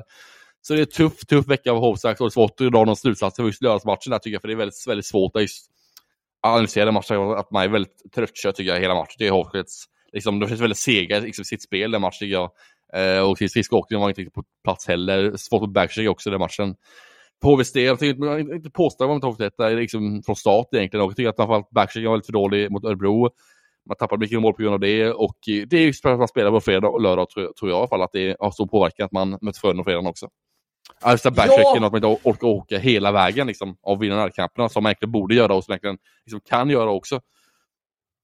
Sen, sen, är det ju Jonas Enroth som är galen den här matchen mot Örebro. Ja. Alltså, för man är ju ändå nära att komma in där. Man är ju riktigt, riktigt nära att komma in där i, eh, när man, eh, och ändå vända när man gör 3-1 och 3-2. Sen är det ju jättenära faktiskt om man gör 3-3 och då hade det kunnat bli en helt annan matchutgång. Men man räcker inte riktigt till och det, jag blir inte riktigt klok på det här laget faktiskt. Jag, man har liksom möjligheter och möjligheter. Det känns som att man har faktiskt kunnat skugga Luleå. Det känns som att man spelar stundtals bättre och bättre, men man räcker in då inte riktigt till för att få de här liksom vinstsvikarna för att kunna liksom segla upp mer och verkligen pressa de två lagen över där. Det känns som att man hela tiden ligger och skvalpar och inte riktigt tar möjligheterna när de faktiskt finns. Verkligen, och det är helt med den analysen. Och nästa lag ut i vårt körschema är Timrå. En vinst, efter första veckan, även för Timrås del. Eh, man torskade mot Örebro här med uddamålet i torsdags med 2-3. Och sen vann man mot IK Sand här i lördags med 4-1. Um, ehm, Valle Valtorm med två mål två matcher. Um, när nyförvärvet Mieho gjorde en mål mot Oskarshamn här i lördags och sen var det Lander och Pettersson som var målskyttar uh, för Timrås del. Ehm, ja, Timrå var väldigt bra i lördags mot Oskarshamn. Man stängde Oskarshamn på ett väldigt bra sätt. Man fick tillbaka lite från skada också, vilket var väldigt viktigt för Timrås del. Även Strömberg tillbaka i spel också. Man eh, gjorde väldigt bra Oskarshamn defensivt i lördags. Man stängde liksom, Oskarshamns fasta offensiv på ett väldigt bra sätt, tycker jag. Man liksom man var närkamperna runt eget mål, man fick bort yxspelarna för eget mål, höll dem på utsidan mycket och liksom släppte inte till någonting i Timrå i den matchen. Jakob Johansson var också väldigt bra i kassen för Timrås del också. Han var galet bra i den matchen, tycker jag Jakob Johansson var. Han gjorde någon riktigt fantomräddning i den matchen. Men i övrigt är Timrå gjorde bra i lördags tycker jag, han var defensivt och eh, vann mycket närkamp som sagt och gjorde även bra för en kasse och hjälpte Jocke Johansson bäst sett. Jag tycker man hittade tillbaka lite till det spelet man har haft tidigare. Man hade ju fem raka förluster inför segern mot, mot eh, Oskarshamn.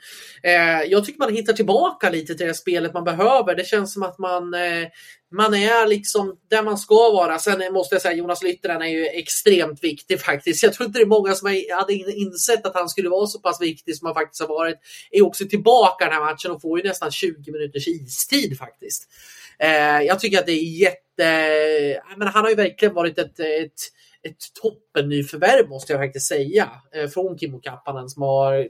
Många var ju såhär, vad ska man med honom till när de skippade iväg uh, och eh, tog in honom. Men det har ju varit ett genidrag. Sen är det ju där, jag tycker det är kul att både Panameho och eh, Axel Rendell får göra sina första SHL-mål i karriären. Det känns som att eh, man fick upp energin, man, eh, man tog liksom tjuren i honorna och, och, var ju eh, riktigt, riktigt bra. Ledde ju också skotten med 16-5 efter den första perioden. Mm, ja, men det var väldigt bra Timrå-match tycker jag överlag. Eh, viktigt för Timrå att vinna i matchen också. Väldigt viktigt match för Timrå att vinna för att det var just den här förluststreaken innan och att eh, Ja, men tillbaka till spelmässiga, Timrå liksom med sitt defensiva, solida spel och även hitta till ett bra och jämnt målvaktsspel i den matchen också. Jakob Johanssons del, viktigt för att komma igång lite igen och få de viktiga räddningarna i matchen och kunna känna att han själv liksom är med och avgör en match. Eh, det är viktigt för han tror jag också. Verkligen. Nej, jag tror att det var extremt viktigt för förlusttrender och sånt det kommer för alla lag oavsett liksom under säsongen. Och Jag tror att det här var extremt viktigt att få bryta den vid fem raka förluster. Jag, jag, det är ju det är en självklar analys, självklart. Mm. Nej, men det känns som att man hittade tillbaka lite till, till sitt spel som man, eh, som man eh, behöver för att kunna vinna de här matcherna. Och extremt viktigt där för att kunna ha, haka på dels som en, en, eh, en plats i topp 6, vilket jag tror kan bli ganska så svårt, men man är ändå med där. Mm. Eh, och sen så eh, framförallt att få bryta den här eh, förlusttrenden. Så att, eh, jag tycker att det är bredden och jag tycker man måste nog på något sätt hylla Kimmo Kappanens arbete, hur han hittar, jag tycker bra spelare från liksom små luckor. Jag tror inte det är många som hade koll på, på varken Mejo eller eh, Rindell, men jag tycker att eh, Nej, det känns som att man hittar fynd hela tiden. Jag tror att man har gjort ett jäkligt bra rekrytering på sportchefsposten där faktiskt. Mm, verkligen, man ligger 60 timmar också nu i hela SHL med 54 poäng där, samma poäng som Rögle. Så just nu typ 6 har man just i handen här Timrå och eh, så blir det följa om man kan hålla uppe den här prestationen som vi hade lördags mot Oskarshamn och hålla uppe den här tabellplaceringen ytterligare ett par veckor framöver. Verkligen. Nej, så intressant att se Timrå faktiskt. Det är yes. en viktig seger.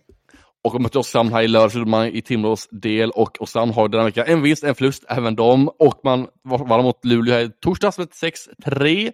Man torskade mot Timrå i lördags med 4-1. Eh, Jiri Schmeikar gjorde två mål i torsdags och ett mål i lördags. Queno gjorde mål i eh, torsdags efter en liten tabbe av eh, Lassinanti, Dahlström Power och Karlqvist även målskyttar för Oskarshamns del denna veckan. Ja, det är två skilda världar var den här Oskarshamns. Man var jättebra mot, man var jättebra mot Luleå i torsdags, sen var man lite mindre bra mot, mot Timrå i lördags tycker jag. Men ändå en bra vecka i sin helhet för Oskarshamns sida. Verkligen, och framförallt mot Luleå. Där var jag jätteimponerad faktiskt hur man lyckades med. Luleå hade faktiskt, eh, eh, jag tror det var fem raka segrar mot Oskarshamn faktiskt, men ändå lyckades eh, Oskarshamn vända på den här steken och gjorde det jäkligt bra i den första matchen eh, mot just Luleå och har den här offensiven verkligen. Eh, jätte, jättekul att se verkligen. Men sen så räcker man på något sätt inte till i energinivå tycker jag mot Timrå. Det är att man man har inte riktigt det där. Vet du lite intressant statistik också? Eh, mm. Eh, visste du att Patrik Karlqvist har mål i, mot Luleå gjorde att han har gjort, gjort mål på samtliga lag i SHL? Mm, jajamän, det sa jag också här det... i torsdags. Det är imponerande tycker jag. Mm, det är lite intressant faktiskt. Nej, Verkligen. men alltså, jag, jag tycker ju att att Oskarshamn kanske startade lite dåligt i matchen mot Luleå, men sen kommer man i kapp och jag tycker man vinner mer kamper, håller ihop det bättre, är, är eh, det bättre laget. Definitivt. Sen är det som att energinivån fick en liten backlash i matchen mot eh, Timrå. Ja, jag håller helt med dig i den analysen. Jag tycker också Oskarshamn var väldigt effektiva i torsdags. Man skapade mycket lägen mot Luleå. Luleå bjöd in ganska mycket match. Luleå höll en ganska dålig i Luleå hade den matchen mot Oskarshamn. Jag tycker Oskarshamn fick mycket yta och tid med att skapa sina lägen också, skapa sina målchanser och kunna trolla på eh, sina ytor. Eh, jag tycker också att man utnyttjade sina lägen bättre sätt i torsdags också. Skapade fler lägen gjorde man också och hade bättre powerplay också, bättre liksom, spel 5 mot 5 överlag. Och hade Oskarshamn i torsdags. Verkligen. Och sen så tycker jag att Timrå var ju mycket mer kompletta i sitt målvaktsspel och defensiven. Och, mm. och det kändes som att Oskarshamn fick väldigt, väldigt, väldigt lite gratis. Mot Luleå var det lite mer smörgåsbord och bjudbuffé liksom, från, eh, från Luleå. Så att, äh, men Oskarshamn är ju ändå med där. Jag tycker man ändå liksom är, är nu, nu förlorade man ju match mot Timrå, vilket kanske var en, en viktig match sett till poängen om man tittar liksom tabelläget mm. och sådana saker. Men man är ju ändå med där, skumpar med. Man ligger på nionde plats och har en match mindre spelad än både Leksand och eh, Rögle. Eh, så att jag, jag, tycker ändå att man är med där och man har hittat en stabil nivå. Allt, det har vi sagt tidigare, man har redan klarat det där SHL-kontraktet. Allting annat nu är bara en bonus skulle jag faktiskt säga. Mm, jag håller helt med också. Det är kul att se en slutspelshamn också till våren. Så kul att se om man tar topp 10-placering. Vilket jag också tror man kommer kunna göra. Absolut, det tror jag definitivt. Det tror yes. jag definitivt. Och nästa lag som också kommer ta slutplats i våren, det är Örebro. Som de kommer ta slutspelsplats denna våren. Eh, Örebro två vinster på två matcher i veckan. Väldigt stark vecka från Örebros sida här Men 2-3 vinst här i torsdags mot Timrå på bortaplan och sen en hemmavinst mot HV i lördags med 5-2. Abols hattrick i lördags och han, bara, han bara öser på Abols alltså. Det är mål, mål, mål och mål från hans sida eh, på senaste tiden efter att han ja, lite tidningsstrul och lite avslöjande. Så han kommer tillbaka på ett bra sätt och även gjort väldigt, väldigt bra och mycket poäng och mycket mål framförallt. Ja, här kan du snacka stekhet. Här, kan du, här är det verkligen stekhet. Sett till de 11 senaste matcherna så har Rodrigo Abols, vi kan ta sett till de 12 senaste matcherna, då har Rodrigo Abols alltså gjort 20 poäng. Mm. Helt otroligt egentligen. Imponerande. Det är 20 poäng. Det är alltså 9 mål och 11 assist i de här matcherna. Eh, och vilken spelare han har blivit. Det är som att man bara släpper lös. Och man undrar ju lite om inte Stefan Bengtzén i Örebro sitter och gräver sig att vi kanske skulle ha lagt de här 350 000 eller vad han, han får i Rögle.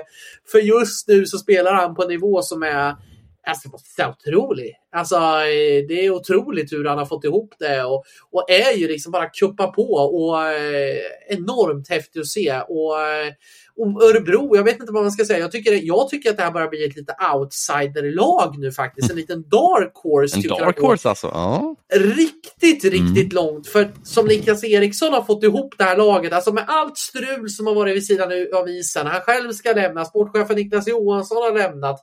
Det har varit Rodrigo Abos-gate som har varit. Man ska anställa en ny sportchef.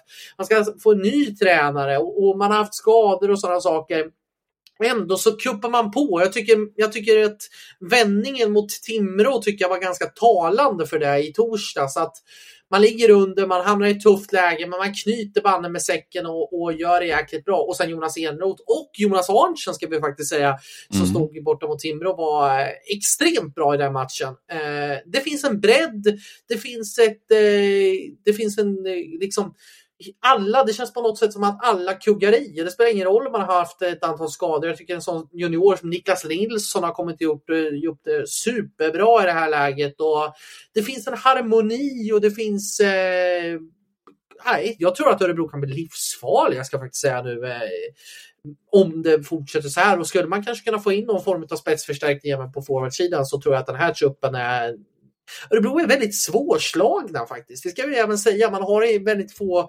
längre förlusttrender utan har hela tiden liksom gått ganska mycket uppåt. Och tittar man på materialet så gör ju Niklas Eriksson ett toppenjobb att få ut, få ut saker och ting.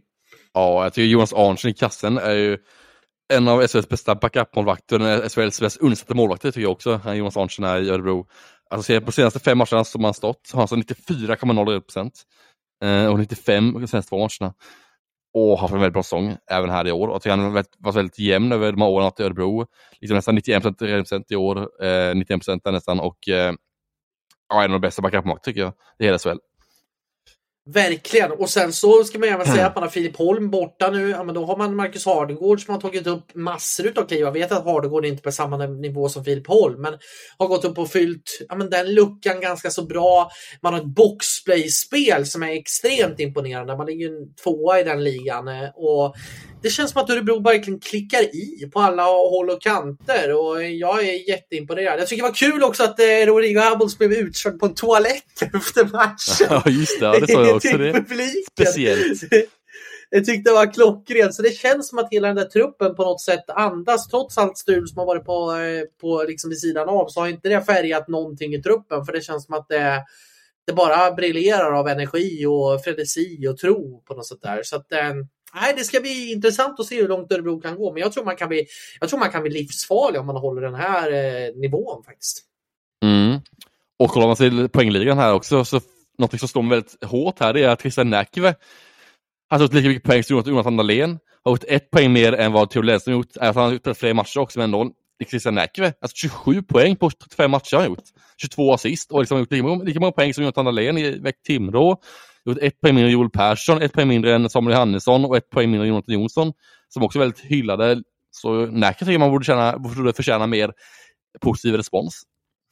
Exakt, och du, du kan ju tänka dig att hans agent sitter och gnuggar tummarna nu. Ja, kan få, gnuggar händerna få ut en bra, liksom. bra pengar där. För jag tycker han är värd också det, att få ett bra kontrakt här nu. För han är ju väldigt, väldigt bra tycker jag, Senekve. Otroligt stabil back, både offset och defensivt. Men vilka, vilka klubbar tycker du ska försöka hugga honom? För Örebro verkar det ju helt tyst. Man har ju istället gått ifrån Julius Honka där man inte vet om det blir någonting. Eller, där har ju de senaste rapporterna varit att han avvaktar eh, besked från Schweiz och sådana saker. Och det kan väl dra ut på tiden. Men, eh, men vad, alltså vilken klubb i SHL skulle du kunna se Christian Eckerberg? Vi har ju varit inne på Färjestad tidigare. Ja, alla klubbar egentligen. det borde kunna värva Christian Eckerberg. Alltså, han får plats i alla lag. Alltså, han är dyr, men han är värd alla pengar man kan slänga på honom. Han, han är värd 225 i månaden. Alltså jag var nu, jag tror han har runt 230 i månaden ungefär. Jag tänker mig att han kan kunna få minst. Och han är värd ja. pengarna fan, alla dagar i veckan tycker jag. Alltså det är en spelare som gör skillnad, bra offside defensivt, liksom har bra plus minus. Spelar som 90 minuter match, gör han också 19 minuter match spelar han. Eh, 27 poäng. Och alltså han är otroligt stabil. Dessutom en oerhört genuin människa. Han gick ju igenom en cancerbehandling och sådana saker för, för några år sedan och har ju kommit tillbaka på det och är ju liksom en enormt uppskattad lagkamrat och uppskattad av supporterna här i Örebro. Eh, kan det vara SHLs bästa spelare, alltså mest underskattade spelare? Ja, det tycker jag verkligen. Han är tillsammans med Gustav Backström i Örebro så är de två SHLs mest underskattade spelare. Ja, där finns det rejält med kvalitet. Så att, eh, det, man det ska bli intressant att se här nu. Örebro och Frölunda på tisdag. Nu, ja, när det här avsnittet släpps. Så, så det ska bli intressant att se hur, eh, hur Örebro, man kan fortsätta rida på den här eh, vågen. Men, men hur långt tror du Örebro kan räcka då? Hur, hur långt kan det gå det här? Alltså jag är lite mer kritisk till Örebro än vad du är. jag tror inte att de är någon dark horse. Jag tror Alltså det är svårt, alltså vilka de kommer möta, de kommer möta Frölunda just nu, jag tror det blir kvartsfinaltorsk för Örebro om jag ska vara ärlig. Men eh, Ja, kvartsfinal säger jag. Jag säger inte att de kommer, de kommer inte längre, tror jag inte en kvartsfinal. Nej, tror du att man kommer gå topp 6 då? Mm, ja men det tror jag nog. Topp 6 tror man kommer komma. Jag, tror, jag tycker att Rögle är för ojämna, Timrå också lite för ojämna för att slå ut Örebro tycker jag. Jag skiljer också sex poäng ner till Örebro, eller till Timrå och Rögle med matchvinst spelar också Örebro. Så ja, topp 6 tar man, det är jag övertygad om. Jag tror det blir en femte, ja, fjärde, femte plats för Örebros del. Då blir det alltså Frölunda i så fall i en kvartsfinal, vilket är inte är helt osannolikt. Vet du vad jag tror att många Örebro-supportrar sitter och gnuggar tummarna och gärna skulle vilja ha? Örebro, ja. en, en kvartsfinalserie mot Färjestad. Ja, jo, just det. Det hade ju varit eh, enormt häftigt. Jag tror att det hade varit en eh, så spännande kvartsfinalserie att se liksom Thomas Mittell och Niklas Eriksson mot varandra. Det finns eh, ja, lite rivalderbykaraktär, även om jag vet att det är mer från Örebro support supportrarna än från Färjestad håll. Men eh, jag tror att det hade varit enormt häftigt att se det här liksom. Ett, eh, ja, men lite läns, inte länsderby, men, men, eh, ja, men lite antagonistrivalmöte tror jag hade varit jättehäftigt. Mm, jag håller helt med där också. I den analysen. Ja, ska Ja. vi kuppa vidare med nästa lag? Det gör vi. Nästa lag ut är Leksand då. Eh, Leksand har alltså två vinster på två matcher i veckan efter en eh, 4-1-vinst mot Skellefteå här i torsdags med ja, 4-1 då som sagt. Eh, sen vann man efter overtime mot Växjö här eh, efter, i lördags då efter att eh, lett med 2-1 med en sekund kvar matchen så gjorde Växjö 2-2 men sen gjorde man genom Matt Cato mål i overtime och avgjorde den matchen och tog med sig två, två stabila poäng. Vilket man nog var ganska missnöjd med just den matchen. Man ledde med 2-1 tills en sekund kvar av matchen så tog man ganska missnöjd med två poäng. Sett till hur matchbilden såg ut och sett till vad man har fått ta tre poäng, men ändå två poäng får man ändå nöja sig med och det är ändå starkt mot tabellettan Växjö. Absolut, och en stark vecka utav Leksand ändå. Liksom. Man, man får ändå poängen här och jag tror att det här var viktigt också för deras arbetsro. Mm. Man är ju, jag tror man är enormt missnöjda med hur den här säsongen faktiskt har blivit hittills. Men framförallt att man kuppar ut Skellefteå fullständigt där i, eh, i den första matchen man vinner med 4-1. Det tycker jag är enormt imponerande faktiskt. Och Kalle Östman, fyra poäng i den matchen. Den Jaha. hade jag inte, jag hade inte det på tipskupongen kan jag säga. Nej, inte jag heller faktiskt. Kallet har gjort väldigt bra säsong tycker jag. Alltså varit väldigt positiv injektion här i Leksand. Jag tycker att det funnits lite mer Kalle Östman än vi fått ut i Malmö tidigare och, även i, liksom, han har varit väldigt bra spelare innan men inte riktigt fått ut sitt bästa jag i Malmö tidigare och i Djurgården också. Jag tycker att Karlsberg, liksom, nu kan man börja se lite på att han är som ändå en bra spelare i grunden, en skicklig spelare som kommer från Svenska, ut väldigt bra Svenska i Västerås och gjort mycket poäng där. Eh, och är liksom en, han kan ändå vara en liksom, poängdrivande spelare som ändå kan göra en del poäng och mål och gjort väldigt bra under den här säsongen för Leksands del. Så han har varit väldigt positiv injektion och positiv överraskning för Leksands del den här säsongen. En av få saker som Verkligen. positiva, kanske. Verkligen. Exakt, i sin helhet så är det ju nej, extremt eh, skönt för, för, eh, för att få in den. Och jag tycker att det är, ja, men det är intressant att se faktiskt. Jag tycker Kalle Östman verkligen har tagit steg och är också underskattad. Går också lite under radarn Mm, tycker jag. säga. är enormt uppskattad vet jag liksom som lagkamrat. Och, nej, men jag, jag tycker att det här var riktigt intressant för Leksands del också. Att det är den här bredden som nu levererar faktiskt. Att man, eh, att man har eh, också Lukas Elvenäs som gick in och gjorde mål och har två assist i den matchen mot Skellefteå. Man har Keito som gör mål både mot Skellefteå och eh, efter 11 mållösa matcher så gjorde han ju mål mot Skellefteå och sen även gjorde mål då avgjorde mot Växjö. Så att det, det var, jag tycker att det är det här Leksand har saknat. Det var faktiskt bredden nu som gick in och levererade. Jag tycker att det var större poängproduktion, fler som levererar. Jag tycker att det var stark vecka faktiskt för Leksand för att det var tufft. Jag hade, hade jag tippat på förhand hade jag nog räknat på två raka förluster faktiskt för dem. Mm, ja, alltså det är ett och två möter man Leksand. Alltså det är helt att båda matcherna mot ettan och tvåan. Det är väldigt, väldigt starkt av Leksand att väg att vinna mot både Skellefteå och Växjö. Som är väldigt bra lag och ligger som ett och två i tabellen. Så det är otroligt starkt. Och innan tidigare säsongen var liksom ofta spetsen Leksand varit avgörande. Men nu är det bredden som avgör istället i Leksand. Eh, Kalle Östman och Oskar Lang och det är Elvenäs och det är Ahnelöv och det är Keito. Och det är lite mer typ bredden nu som avgör Leksand istället för liksom, den uttalade spetsen. Eh, så det är också imponerande att man hittar liksom den här bredden också nu i år. Verkligen. Nej, men, eh, jag tycker att det, det var exakt det här Leksand behövde faktiskt. Jag tror att de här två segrarna ger ju extremt mycket i självförtroendet också. Extremt mycket. Just med det, när man möter både ettan och tvåan och, och vinner båda så är det ju extremt viktigt. Eh, så, man har ju fortfarande häng. Alltså, man ska faktiskt räkna det. Vi har rä- rä- räknat upp att det ska vara kris och katastrof för Leksand. Men, men det är faktiskt bara två poäng upp till en, eh, till en eh, topp 6-placering nu. Mm, ja, men det börjar se bra ut för Leksand. De viktiga två vinster sagt man tog här i veckan och eh, mm, tillbaka i vinnarspåret igen och kanske rikta lite mer fördel av av det den här veckan framöver här också. Verkligen. Och Leksand mötte ju Skellefteå här i torsdags och Skellefteå är nästa lag ut här i vårt körschema och Leksand eller Skellefteå torskade mot Leksand här i torsdags med 4-1 som sagt. Eh, Kinak mål i matchen för Skellefteås del. Sen var de med 2-1 mot Färjestad här i lördags med ja, 2-1 då. Anton Olssons första SHL-mål i karriär, eller i Skellefteådressen. Och Filip Sandberg fick även göra mål i just den matchen mot Färjestad. Så det är, ja, få, det är tre mål framåt den veckan för Skellefteås del och fem mål bakåt för Skellefteås del den veckan. Ändå helt okej. Lite få mål framåt kanske, men eller, eller ändå till en vinst den veckan ändå, så det spelar kanske inte så stor roll ändå. Nej, det är ju match, det är ju powerplayet som blir avgörande där egentligen i och med att Filip Sandberg gör 2-1 där. Sen måste jag också hylla, vi har sagt Linus Söderström återigen, men jag måste hylla honom igen. Alltså i, i andra perioden så är ju Färjestad bättre mm. i, i början liksom, och skapar ju flera jättelägen. Men, men, men ändå så står Söderström och håller kvar liksom Färjestad i det här läget och i det 1-1 läget. Och sen har man folk som hela tiden kan gå in och avgöra. Nu är det Filip Sandberg som går in och sätter 2-1 i powerplay och det är ju eh, ja, men rejält eh, bra faktiskt från Skellefteås del att man ändå lyckas eh, dra det där längsta strået faktiskt. Ja, och så Anton Olsson också med väldigt fin uppåkning som leder till ett mål och en väldigt fint mål av Anton Olsson som var väldigt kritiserad här i Skellefteå under säsongens gång. Men nu är hittat tillbaka lite till eh, en bra nivå och gjorde även mål här då mot Färjestad. Så det är kul att se också ja, Anton Olsson har hittat tillbaka till sitt rätta hockey. Absolut, man ska ju säga att han är ung också. Han är ju ja. 2003, det får man inte glömma bort. Liksom. Han är väldigt, väldigt, väldigt ny på SHL-nivå. Det tar tid att acklimatisera sig. Jag tror att han har, han, han har potential också att kunna växa ut ytterligare. Så där tycker jag man ska vara eh, väldigt... Eh, man ska vara försiktig när man liksom sågar juniorer på så sätt. Ja, liksom. Så att, eh, nej, det är det. Och Jonathan Jonsson fortfar fortfarande het. Eh, sju assist på de senaste sex matcherna. Det är ingen dålig streak. Och Tom Kühnhackl har väl gjort mål i, eller har väl gjort poäng. nu, nu tog väl den poängutdelningen eh, slut va? I och med att han hade väl gjort poäng i bara åtta raka matcher innan dess va? Ja, exakt.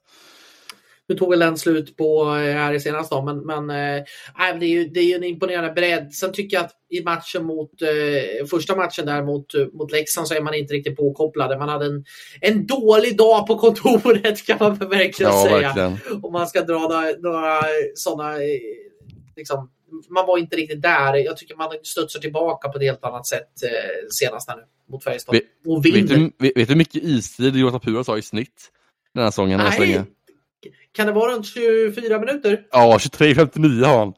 Alltså det är, det är så kul.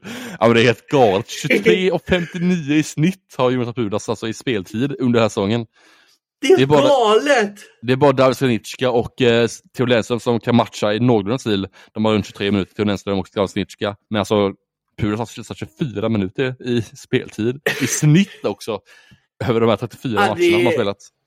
Det är otroligt. Det är otroligt egentligen och det, det visar ju sig vilken, och han är ju liksom, han är ju en, en härförare för hela det här laget. Alltså det är ju en fullständig klassspelare liksom. Sen kanske han har kommit av lite mer i poängproduktionen nu senaste tiden, men eh, mm. han var ju galen i början. Match. Ja, 33 ja. poäng och 24 assist på 34 matcher. Det är inte illa det pinkat det är ganska bra för en back också. Så att det är ju, alltså, han är ju för bra för SHL om jag ska vara ärlig. Jag tycker att han ska faktiskt spela i NHL. Jag tycker att han är för, för bra för... Alltså, vi, Skellefteå-fansen måste ju liksom... De måste på något sätt uppskatta den tiden som han är här nu. För han är för bra. Jag tycker han har visat det här nu i två år här nu i Skellefteå. Så att, eh, enormt eh, imponerad av hans utveckling. Och Robert Olssons gäng, de kuppar på där uppe i toppen. Och det är väl bara de och Växjö som kan väl egentligen utmana kanske om en eh, serieseger skulle jag väl säga. Mm. Instämmer helt och hållet med den spaningen och nästa lag ut är Brynäs som har då en förlust på en match. Man mötte ju Färjestad här i lördags, eller i torsdags var det. Ja, torsdags var det ja. Eh, och då mm. torskade man med 2-3. Jakob Blomqvist med två gjorda mål för eh, Brynäs del, men mer än så blev det den här veckan för Brynäs del. Det var en match och en förlust och Jakob Blomqvist med två gjorda mål. Och en av målskyttar denna veckan för Brynäs del. Ja du. Ja. Det blev lite soppartorsk efter två, man hade väl två raka vinster om jag inte helt fel innan dess. Mm. Ja det tror jag man hade något sånt. Nu blev det väl inte riktigt sådär. Ja, alltså det, det, det är ingen skam att förlora mot Färjestad liksom, i en match man ändå är, är med i på så sätt. Men det kändes väl lite som att eh, Ja, det är lite så som det är med Brynäs. Man, man skulle egentligen behöva de här lite längre segersviterna för att kunna vara med och utmana. Jag tror att, jag tror att man ändå har, har lagt det värsta i, i och med att, ja, hur många poäng är det ner till HV71? Vad sa vi? Det var 12 poäng. Eh, eller nej, till Malmö 12 poäng. Eh, ja, och till HV är det till HV är det sju. Ja, sju. Då är det ändå lite. Och HV ska vi också säga en match mindre spelad. Så det där kvalhotet mm. är ju inte bortblåst ännu. Liksom. Nej, det är det inte. Eh, det är det definitivt inte. Det menar jag även för Luleå. Som jag tror, det är väl de lagen som egentligen gör upp. Luleå, ja, Brynäs, HV och Malmö. Eh, ja. Eller Malmö att, bort, för Malmö redan klara på kvalet. Det är HV, ja, Malmö, Brynäs Malmö. och eh, Luleå. Är de lag som fightar ja. sista platsen i kvalet. Exakt. Och det är väl det att för, för, att få, för att kunna blåsa bort det där riktiga, för att man inte ska behöva gå till sista omgången, så skulle ju liksom Brynäs behöva de här längre segertrenderna. Eh, nu når man det inte riktigt. Det är, ingen, det är ingen bedrövlig insats, absolut inte, men Färjestad gör en jäkligt bra bortamatch. Det måste man faktiskt säga. Eh, kul också att se Jakob Blomqvist och som jag tycker har gått in och gjort det bra sedan ankomsten från Timrå. Jag tycker att det har varit ett bra nyförvärv. Kommer in och är ett Brynäs hjärta och har eh, bra tugg och levererar ju också poängmässigt. Och sen tycker jag faktiskt den här backen Mikko Niemelä som han tog in har ändå gjort det helt okej okay, tycker jag på SHL-nivå. Eh, går lite under radarn kanske och inte märkts jättemycket men jag tycker att han gör ett bra jobb i det tysta ska jag säga. Mm, Brynäs ligger sexa i, i powerplay-ligan och nia i boxplay-ligan som är nog helt okej. Störst teams också. Um, Brynäs har också spelat uh, näst mest i powerplay över hela säsongen. Alltså tre timmar och elva minuter i powerplay har spelat liksom, näst mest i SHL. Det är bara Skellefteå som spelat mer i powerplay än vad Brynäs har gjort. Uh, lite, rolig, lite rolig statistik att lägga till där också. Verkligen. Nej, det, det, och det är ju det att liksom offensivt så har man ju haft jag ska inte säga att man har haft en briljant produktion, men man har ändå, ligger, har ändå gjort 101 mål och ligger ju liksom sjua på den punkten om man tittar till alla SHL-lag. Liksom. Eh, sen har man ju släppt in för många mål. Det är det som är problemet. Man har ju liksom haft alldeles för, man har ju släppt in mest mål i hela serien, 121, 123 stycken. Och då då inser man ju själv att det är väldigt, väldigt svårt att, att vinna hockeymatcher. Det säger man ju ingenting om det. Men, men, det känns som att på senaste tiden så har ändå Brynäs tycker jag hittat någonting. Jag tycker man har, har någon, någon form av tydlighet i spelet. Men man skulle behöva ha de här lite längre vin, vinststreakarna för att blåsa bort det där kvalspöket. För att det, man vet att det sitter jäkligt tufft i ett Brynäs hjärta, vet man från supporter och sådana saker, sen det här kvalspelet mot HV71 på något sätt ligger kvar och, och pyr där någonstans. Eh, och jag tror att jag tror att man skulle behöva säkra den här platsen ganska så, så ja, men försöka dra ifrån lite, få lite mer andrum och få lite mer spelrum men att man liksom har kniven mot strupen hela tiden och framförallt in till sista sekunden. För skulle HV få upp, få upp någon form av gas här nu, då är det väldigt ja, men då är det tight ner faktiskt. Mm, om HV gasar måste vi bry oss ännu mer ifall att klippa kvalet. Liksom. Så det mm, kan bli tufft om man börjar gasa underifrån och eh, Brynäs står kvar på perrongen. Verkligen. Det, det kan bli riktigt tufft. Liksom. Det, för det, för det, det, finns ju potential. Jag tycker man har visat det i stundtals matcher. Det är inget briljant spel eller någonting, men jag tycker man har hittat tillbaka lite till det här styrspelet. Det här kommer in kompakta på ett bättre sätt än vad man gjorde kanske under serienledningen där man släppte in väldigt mycket. Lindbäck tycker jag har varit bättre i målet också. Men man måste försöka få ihop helheten lite mer nu än... Eh, ja, Ja, det, ja exakt. Ja, men Lisbeth Lindberg, det är kul att se, se lite kärlek till honom också för han har fått väldigt mycket kritik från min sida och från dig. Framförallt från mig. Det är kul att se, han, han behöver bli bättre, han har alltid tagit lite fler steg och aktiviserat lite bättre. Det är kul att se från hans sida också att han börjar ta lite mer seriöst på Brynäs att vinna matcher hit och dit också och även så. Ja, han får ju bättre hjälp tycker jag försvarsspelet nu också jämfört med tidigare. Så att det, det finns ju någonting där. Man gör ju något, man, det går i alla fall ut rätt utveckling. Sen måste man ju försöka få ihop allting det här och, och få ihop helheten och också klara den mentala pressen. Och det är ju lättare sagt än gjort. Så att, eh, Ja, det är lite upp och ner i Brynäs, men det är väl som det har varit hela säsongen. Men på något sätt går det väl kanske lite mer uppåt än lite mer neråt i alla fall. Mm, på tal om upp och ner så är Linköping ett lag som verkligen går upp och ner i både tabellen och även spelmässigt. En vinst, en förlust den veckan för Linköpings del. Det blev en 6-2 vinst mot Rögle här i torsdags. Sedan så blev det 2-3 torsk mot Luleå i lördags. Eh, Vilmos Gallo är ju också en spelare som är väldigt het. Två mål, på varsel, två mål på två varsel den veckan och är väldigt, väldigt bra i spelet också tycker jag. är väldigt, väldigt nyttig spelare för Linköping att ha i truppen och en spelare som verkligen bidrar mycket positivitet och mycket energi i varje match. Vilket är väldigt imponerande sett. Högvist med två mål också här i torsdags. Så, det var alltså Linköpings vecka. Ja, men Vilmos Gallo där tycker jag, där, där måste vi faktiskt hylla. Jag var ju lite tveksam till den här värvningen. Och skulle han liksom, jag har ju kanske sett honom som kanske en fjärde kedjespelare. Liksom.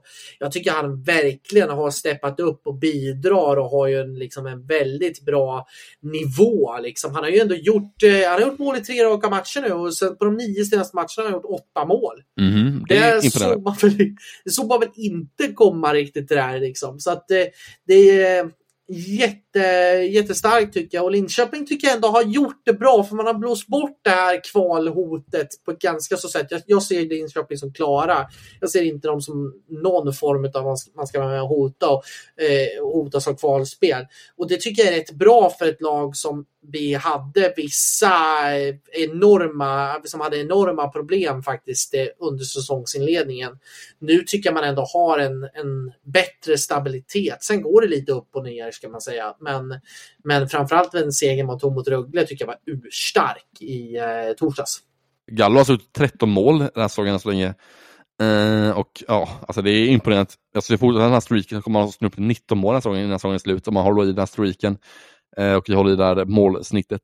Eh, imponerande tycker jag framförallt. Eh, han gjorde, mycket, han gjorde succé för två år sedan ju i eh, KK i finska ligan med 20 baljor på 50 matcher. Så kommer tillbaka till sin finska form nu. Vilmar Skallo var tidigare lite gnuggade och Luleå var inte så bra heller. Lite sjukdomar som störde han där. Men nu är Linköping hittat, hittat rätt igen i rätt miljö och gjort väldigt mycket mål här. Och ja, en riktig spelare av Linköping tycker jag.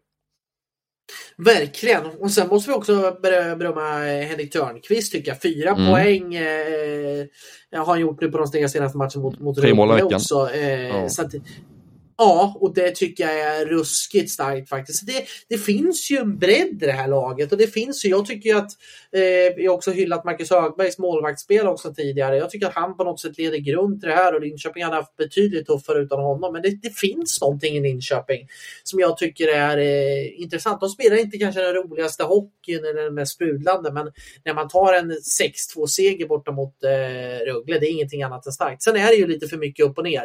Det har vi ju sagt också hela säsongen säsongen att eh, när det blir de här urladdningarna, då, då förlorar man nästa match. Så för, för att kunna utmana ännu mer, då skulle man behöva hitta liksom längre vinststreakar och liksom få ut ännu mer utav, av det här. Men sett till förutsättningarna och sett till vad man hade för, för, för förväntningar inför säsongen så tycker jag faktiskt att Linköping gjort det bra. Yes, de har också en stabilitet i med liksom Högberg i kassen, har Oskar Fantenberg, de har många defensiva forwards som jobbar bra. Många tvåvägscenter och tvåvägsforwards som jobbar bra i båda ändarna av isen också. Det är, ja, men det känns som att det finns en stabilitet i Linköping jämfört med liksom, hur de andra SHL-lagen ser ut, alltså som är i botten i skiktet och eh, under Linköping då i Luleå, Brynäs, HV och Malmö. Det, det finns annan stabilitet och en annan typ av liksom, defensiv mentalitet i Linköping än vad det finns i de andra lagen tycker jag. Sett till deras spel och hur de liksom, får ut sitt spel också. Verkligen, jag håller med dig fullkomligt i den analysen. Yes, och då lämnar vi alltså samtliga lags och deras vecka denna Eh, gången och vidare till nästa segment då, som är veckans hetaste som har varje vecka här då, eh, i varje avsnitt. Och denna vecka så är det lite Växjö-inspirerat kan man säga. Alla tre punkter har med Växjö att göra, om man säger så. Vi börjar direkt med veckans hetaste händelse och det är alltså Växjös kvittering med en sekund kvar matchen här i lördags mot Leksand. Tycker jag är väldigt imponerande och en händelse som sticker ut lite tycker jag den här veckan. I brist på annat. Mm. Verkligen! Nej, det var ju enormt, enormt skickligt faktiskt. Så det, det, det är ju att det, det är verkligen att gå hela vägen in i kaklet kan man verkligen det kan man säga. säga. Det, det, den klassiska sportklyschan brukar heta. Det var kaos i Leksands eh, målgård kan man säga. Där. Det låg spelare både höger och vänster. Pucken var någonstans, ingen visste var den var. Det kom Kossela bara petade in pucken och eh, blev mål slut där. Med en ynka sekund kvar av matchen. Det är otroligt där faktiskt. Verkligen! Nej, det var extremt eh, skickligt och det är det som jag sagt tidigare. Det känns som att man har kokat ihop någon form av soppa på det där laget med eh, att man har fått någon form av serum eller någonting. Att vi kan inte förlora efter ordinarie tid. Det, ja, det måste vara sånt. Det är och likadant mot, mot Malmö i, i, eh, i likadant som vände 3-0 och det såg helt kört ut den matchen. Så att, eh, det är någonting i, i grundvattnet i Växjö som just nu har, har någonting att man förlorar inte under ordinarie tid knappt. Nej, eh, nästa kategori är då alltså veckans hetaste spelare och den veckan är det ingen mindre än Robert Rosén. Den legendariska och rutinerade centern i Växjö Lakers som med fyra mål, en assist den veckan eh, för hans del. Ja, det är, det är väl han och Rodrigo Abol som jag tycker var uppe ja. den här veckan i, i liksom toppen. Men Rosén kuppar på och fortsätter ja. och är ju förbannat bra. Alltså han vände ju två matcher på egen hand kan man säga. Han gjorde liksom två viktiga mål, liksom, mot, eller tre viktiga mål mot, i torsdag. Sen gjorde han liksom mål även i lördag som var viktigt, viktigt också. Så han är otroligt viktig och med avgörande lägen är han otroligt, otroligt bra i. Eh, så imponerande minst sagt av Robert Rosén. Verkligen. Yes, och nästa kategori är alltså växthets tanke eller fundering och det handlar också om Rob Rosén och han står just nu noterat 16 mål på sina 35 matcher och tidigare notering, hans bästa notering tidigare i SHL är alltså med AIK. Då har han 21 mål och jag tror att han den säsongen kommer kunna göra fler än 21 mål och därmed nå sin bästa målnotering i SHL. Ja, den håller jag helt med. Det är bara spika. Har det är sex mål till för som måste göra. Fast det var sitt 21 ja. måls ja, ja, ja. rekord. Ja, ja. Fortsätter den här takten så har jag gjort det redan nästa vecka. Jajamän, ja, exakt. ja. Nästintill. Nej, ska vi ha lugnt. Två veckor får han på sig. Ska ja. vi säga det? Ja, I den innan eh, februari slut ska vi säga. Ja, det kan vi köra som en challenge så ska vi se om det, om det håller sig. Nej, men absolut. Alltså, han, han är som ett vin. Jag vet inte vad man ska säga. Liksom. Jag hade nästan räknat ut honom på något sätt att hans bästa dagar är förbi. Men oj, oj, oj, oj, oj vad fel man Ja, exakt. Och nästa Ja, lite nyheter den veckan och väldigt få nyheter den här veckan. Eh, och eh, väldigt få och ganska ointressanta nyheter, nyheter i stort här den här veckan. kan man säga. Det är Andreas Falk förlänger med Skellefteå till 2024. Alltså den tränaren i Skellefteå alltså. Eh, Oskar Pettersson och Hugo Fransson skriver kontrakt med Rögle respektive HV. Simon Robertsson lånas ut till Västerås eh, från Skellefteå. Adolf Bauer lånas ut till Almtuna från Örebro och Filip Westlund lånas ut till Ilves då i finska liga från HV71 och Jasse Ikonen intågad till Värmland och till Färjestad som en nytt nyförvärv mm. från Linköping. Vi hade ju också, vi kan ju ta upp också som jag kommer ihåg bara på, på spaning som jag kom på bara snabbt här. Vad, vi hade ju nu uppmärksamma matchstraff i eh, matchen mellan Örebro och HV i, eh, just det, just det. Eh, lördags. När Nick Shore missade ett läge och sen så dunka, ska det vara, dunka klubban i plexit eller vad det var, eller i sargen. Och så kom domaren exakt i vägen och så blev det en tidig dusch. Eh, och många har varit väldigt, väldigt upprörda på det här och tycker att nej, men vadå, det, man måste väl kunna ha någon form av spelkänsla från eh, domarhåll och det var inte meningen och sådär. Det är klart att det inte var meningen, men samtidigt regeln är ju solklar där. Jag förstår inte varför man ska hålla på och protestera eller någonting sånt. Det, det var en olyckshändelse, men, men samtidigt, är ju, regeln är ju som den är. Liksom. Ja, det är många, alltså just regeln kan tycka lite hur som helst, hur, liksom, hur regeln är och hur den är utformad kan man tycka lite olika om. Men en regel är en regel och jag Alltså jag är kluven i situationen. Jag tycker egentligen det känns konstigt med matchstraff egentligen. Alltså det regeln säger så tycker jag det är konstigt liksom, hur regeln är utformad och kanske så att det blir matchstraff så. Det, det känns fel någonstans. Jag vet inte varför men det känns fel någonstans att det blir matchstraff på det där. Men det är olyckligt minst sagt och kanske lite onödigt också från Nick Shaw att stå i klubban i sargen. Samtidigt också på några hundradelar som man har att reagera på sig själv liksom och att få ut ilskan liksom och som man, man hade. Hade mycket ilska i sig där och fick ut den på sitt sätt genom att slå klubban i sargen, träffa domaren olyckligt då, och lite onödigt av Dick Shore kanske slå klubban i sargen, det kanske man kunde gjort lite bättre. Men det är också att titta med facit i hand och säga så när domaren liksom inte, ja. Var Jag säger så här, som vid hög klubba. Du har ansvar för din egen klubba. Mm, det är liksom, det, så är det ju liksom och på något sätt så, så är det onödigt liksom så drar klubban i sargen. Där jag förstår att det är jättemycket frustration och missar ett bra läge och, och liksom HV i den sitsen man är. Men samtidigt så är regeln, regeln som den är. Och hade vi inte Sami Leppis som åkte ut på en liknande situation för eh, förra säsongen när han råkade mer eller mindre åka in med domaren eller liksom sätta klubban högt upp mot domarens ansikte eller något sånt där. Jo, Linus Jonsson också den här säsongen tror jag. borta va? Ja, exakt. Ja. Sen Linus Jonsson den här åt också med någon kasta klubban mot, mot domaren ja. också. Sånt. Och jag tycker på något sätt på något sätt så tycker jag det här ändå är bra för annars så hamnar vi i det här diskussionsmomentet. Vad ska vara, vad ska inte vara, vad, mm. ska, vad ska bli, hur ska bedömningarna bli? Joel Lundqvist fick fem matcher för det, det blev det och det blev det. Så jag tycker inte det ska vara en avstängning utan jag tycker, tycker att det kan räcka, räcka med fem plus game liksom. Men, men annars så hamnar vi i den här tombolan att det ska bli liksom det här att ja, men hur ska vi bedöma situationerna, vad är värre än det andra? Då är det liksom, rör en domare, då, då är det, då är det matchstraff liksom. Mm. Ja, men det är tydligt. Det, ja, det kan vara bra ja. att ha sån tydlig regel också, att det inte finns mycket gråzoner i den bedömningen. Så, ja. Mm. En annan sak som jag också vill ta upp, det är, ja. som jag är lite bekymrad över faktiskt, ska jag mm. säga eh, kommer min gnälliga närkingsk mentalitet. Men det är faktiskt eh, eh eller eh, pyrotekniken som har blivit på arenorna ute i eh, den här säsongen. Vi hade väl eh, nu mot, var det inte Luleå mot Timrå här nu i helgen som det var Luleåklacken som hade dragit en någon form av pyrotekniska pjäser. Och jag är ju så här bara, jag är ju allergisk mot sånt där. Jag är ju så här bara, det ska inte få förekomma, framförallt inte på en hockeyarena. Jag kan förstå att man vill ha det på en fotbollsarena där det finns liksom mer, alltså, där det går att göra det på ett bättre sätt. Man är inte inomhus, det är inte lika stor brandrisk och sådana saker och man kan göra det i mer ordnade former.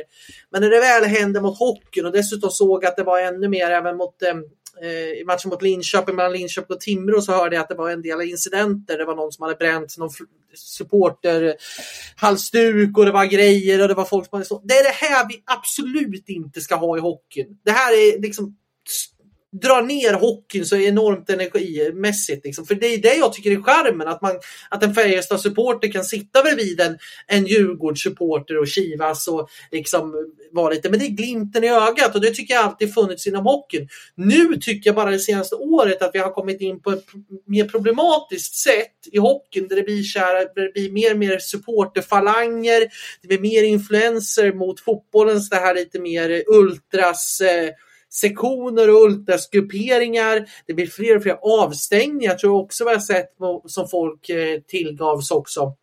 Tillträdesförbud till arenan och sånt här. Jag vill verkligen inte att hockeyn ska hamna här. Det är liksom, eh, jag, jag har ju hört att fotbollen har haft lite problem nu sedan efter pandemin att det har blivit en annan typ av grupperingar ute på läktarna. Jag vet inte om hockeyn har fått lite samma typ av influenser, att det väger över där också. Och det här måste upphöra nu, säger jag. Liksom. Ja, jag håller med dig. Jag är inte heller ett jättefan mm. av pyroteknik och aldrig varit så. Jag är inte så engagerad eller intresserad av det heller. Att den ska upp sånt. Jag har inte lagt märke till det ens, alltså, som du säger, att det är lurmatcherna också i helgen. Jag har inte lagt märke till att det har hänt. Men det är inte, ah, det är inte bra för någon, eller någon, det är inte coolt heller för en del heller. Så det kan man gärna skippa tycker jag. För det är, man, är, man är där för att kolla matcher och inte för att uh, hålla på att skjuta raketer eller vad det nu är för något. nej, nej det, det skippar vi gärna. Ja, det kan man skita i det. Ja, Exakt, det får, det får räcka på den. Det är den enda dagen så det får någon form av legitimt att göra det. Nej, och framförallt inte inomhus. Det känns som en jäkla riskabel grej. Liksom. Jag tycker att eh, vi måste få bättre.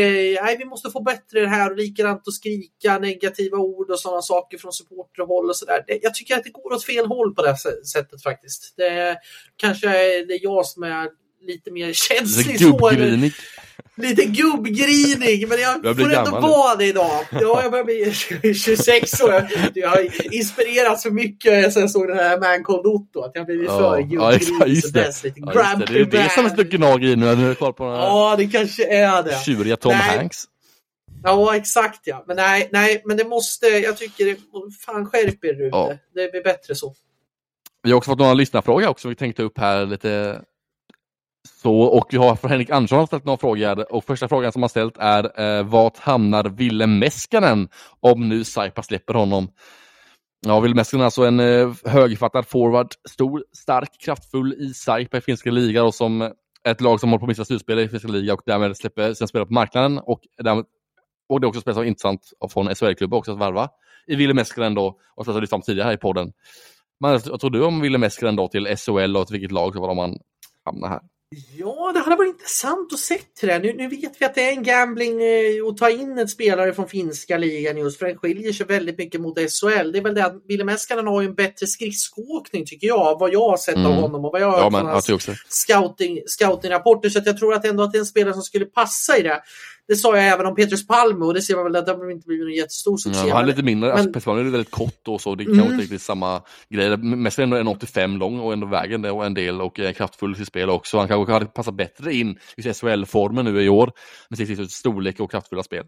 Än vad Palme till exempel gör men jag skulle kunna tänka Luleå kanske. Mm. Eh, Luleå hade kanske varit någonting. Tänkte de behöver ju liksom och offensiv förstärkning. Jag kan tänka mig att eh, skulle lätt kunna det. Nu blir ju också Max Friberg ska vi säga också skadad. Blev ju här för Frölunda. Blev borta fyra till sex veckor till följd av att eh, eh, bröt väl fingret om jag inte helt fel. Ja, och även eh, Pontus Johansson blir ju borta där, men det är ju backplats då. Men, men Frölunda som ersättare till Friberg. Samtidigt behöver man ta in någonting när Friberg blir borta 4 till 6 veckor. Jag tycker man har en redan en ganska bra bredd, men kanske få, försöka få in lite mer spetskompetens för powerplay kanske.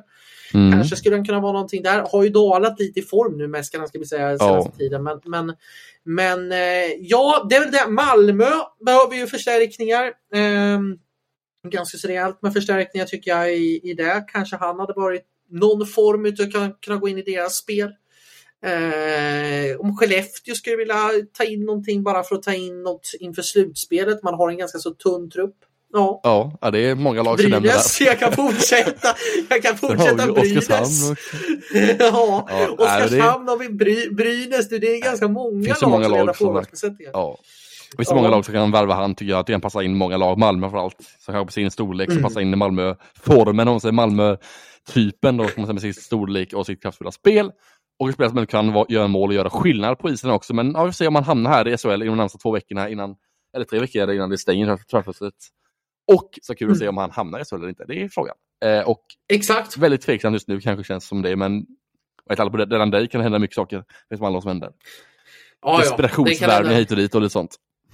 Ja, och deadline day kan det, det kommer vara. Då kommer du och jag också sitta fullspäckade den dagen kan jag säga. Det kommer vi göra. kommer bli en, kommer bli en riktigt intressant dag faktiskt. Nej, men så det, det finns många SHL-lag som faktiskt... Och det är frågan om vad, vad blir det för kostnad? För jag vet att finska, de här finska lagen brukar, det brukar inte vara billiga penningar och, och hyra ut dem. Även om det är en stängd liga och man vill bli av med löneutrymme så brukar det inte vara jättebilligt faktiskt att, eh, att ta tag i. Jag vet att många, många lag faktiskt har sagt nej när det liksom har gått till överpris och sådana saker.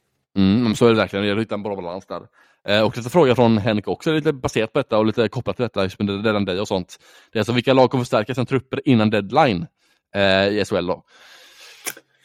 Oh, eh, intressant fråga. Eh, Alltså vi kan börja först. säger jag... Ja, vilka lag vi tycker kanske jag säga först, eller lag vi tror. Ja. För det är lite skillnad där, tycker jag. Mm.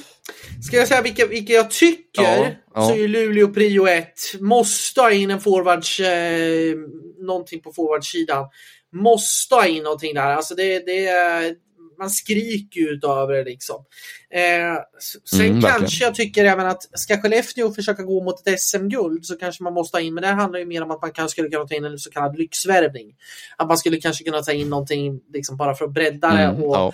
och försöka få fart med ännu mer, få en större bredd liksom. Vi snackar här. Det är inget måste-värvning. Jag tycker Örebro också ska kanske gå efter en, en back här nu i och med att man fick Filip Holm skadad. Man vet inte om han kanske blir borta under resten av grundserien. Örebro tycker jag ska ta in en back, kanske en forward också. Eh, och så Malmö tycker jag definitivt behöver få in någonting.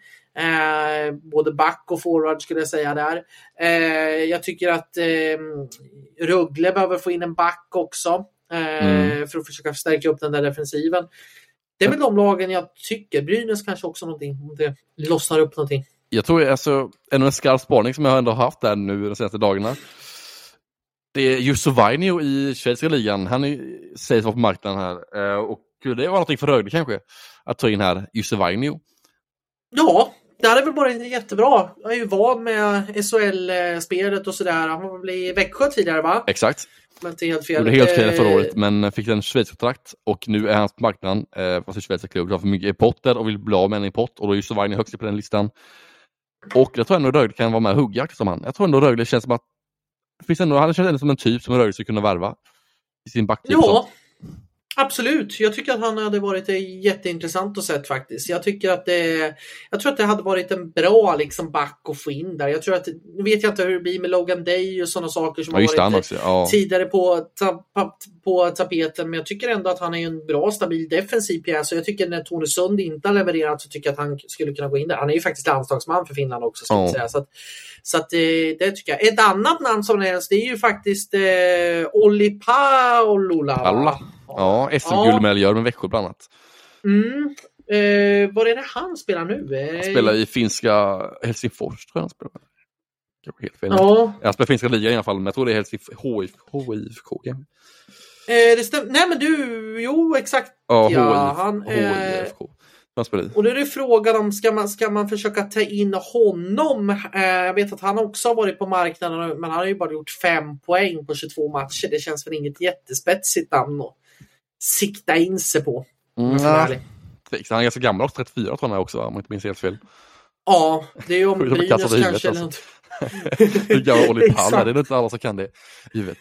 Nej, Mm. nej det, det var, det dök upp här nu under veckan. Jag såg någon rykte på eh, sociala medier att det var någonting sånt. Ja. Eh, som kanske skulle kunna, kunna vara någonting. Det är ju, eh, ja, och sen Mm. är det ju Nick Halloran då som är ute på marknaden eh, efter det som har hänt med Timrå.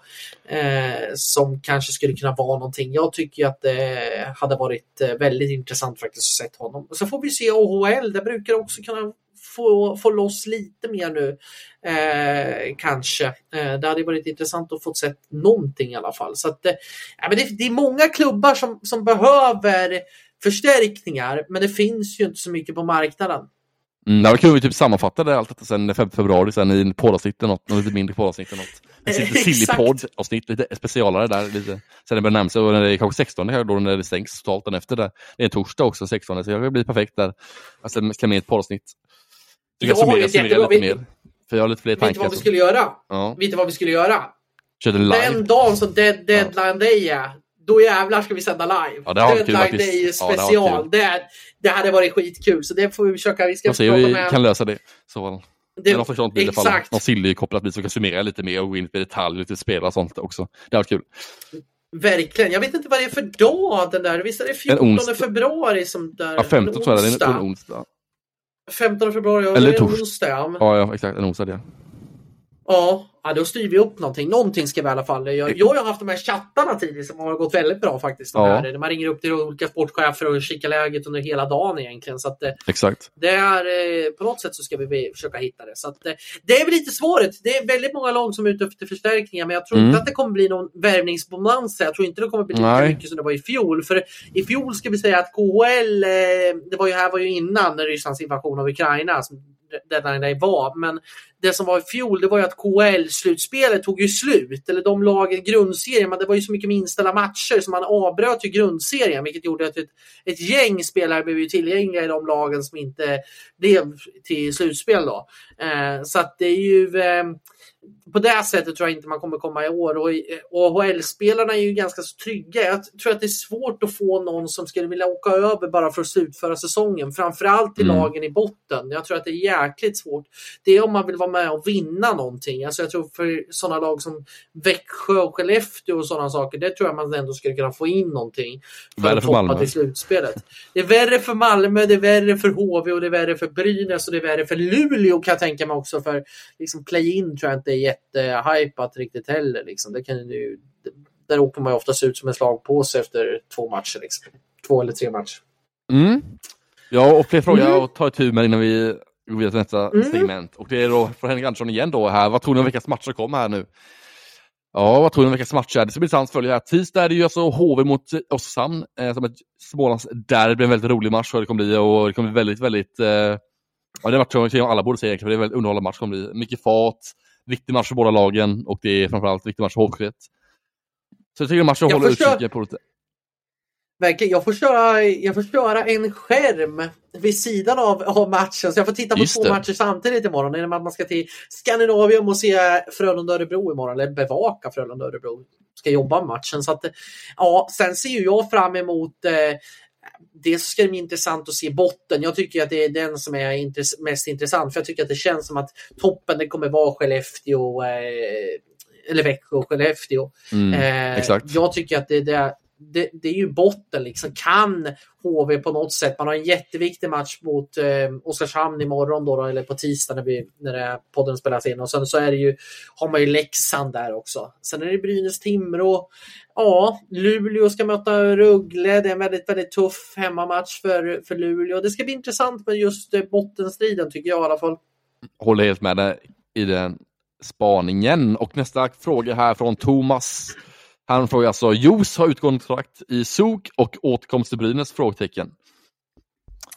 Ja du, det, jag vet inte hur riktigt hans eh, situation ser ut. Jag vet ju att det är en jäkligt bra Mm. back. Han har utgående i SOK sagt. Eh, Ja, Christian Jos. och har ju mängder utav erfarenhet. Har ju spelat i NHL och liksom för Washington och Anaheim och har ju varit riktigt, riktigt bra. Men jag tror att det är jag tror att det är ett, ett eller två år för tidigt. Du vet, Mm. Han är bara 28 bast. Ja. Jag tror att det är ett eller två för tidigt och jag tror han har ändå gjort 24 poäng på 37 matcher i SOG. Jag tror att det är, eh, och har ju över, eh, hur många matcher har han? Han har ju över eh, 155 matcher i NHL på meritlistan. Mm. Så jag tror, jag tror att det är ett år för tidigt.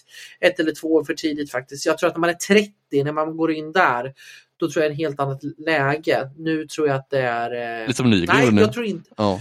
Ja. 32 bast och gå in tillbaka till Färjestad nu. Lite samma där men med Jos också kan jag tänka mig. Runt 30 streck där, 30-31. Någonting där som man Ja. går tillbaka till Brynäs.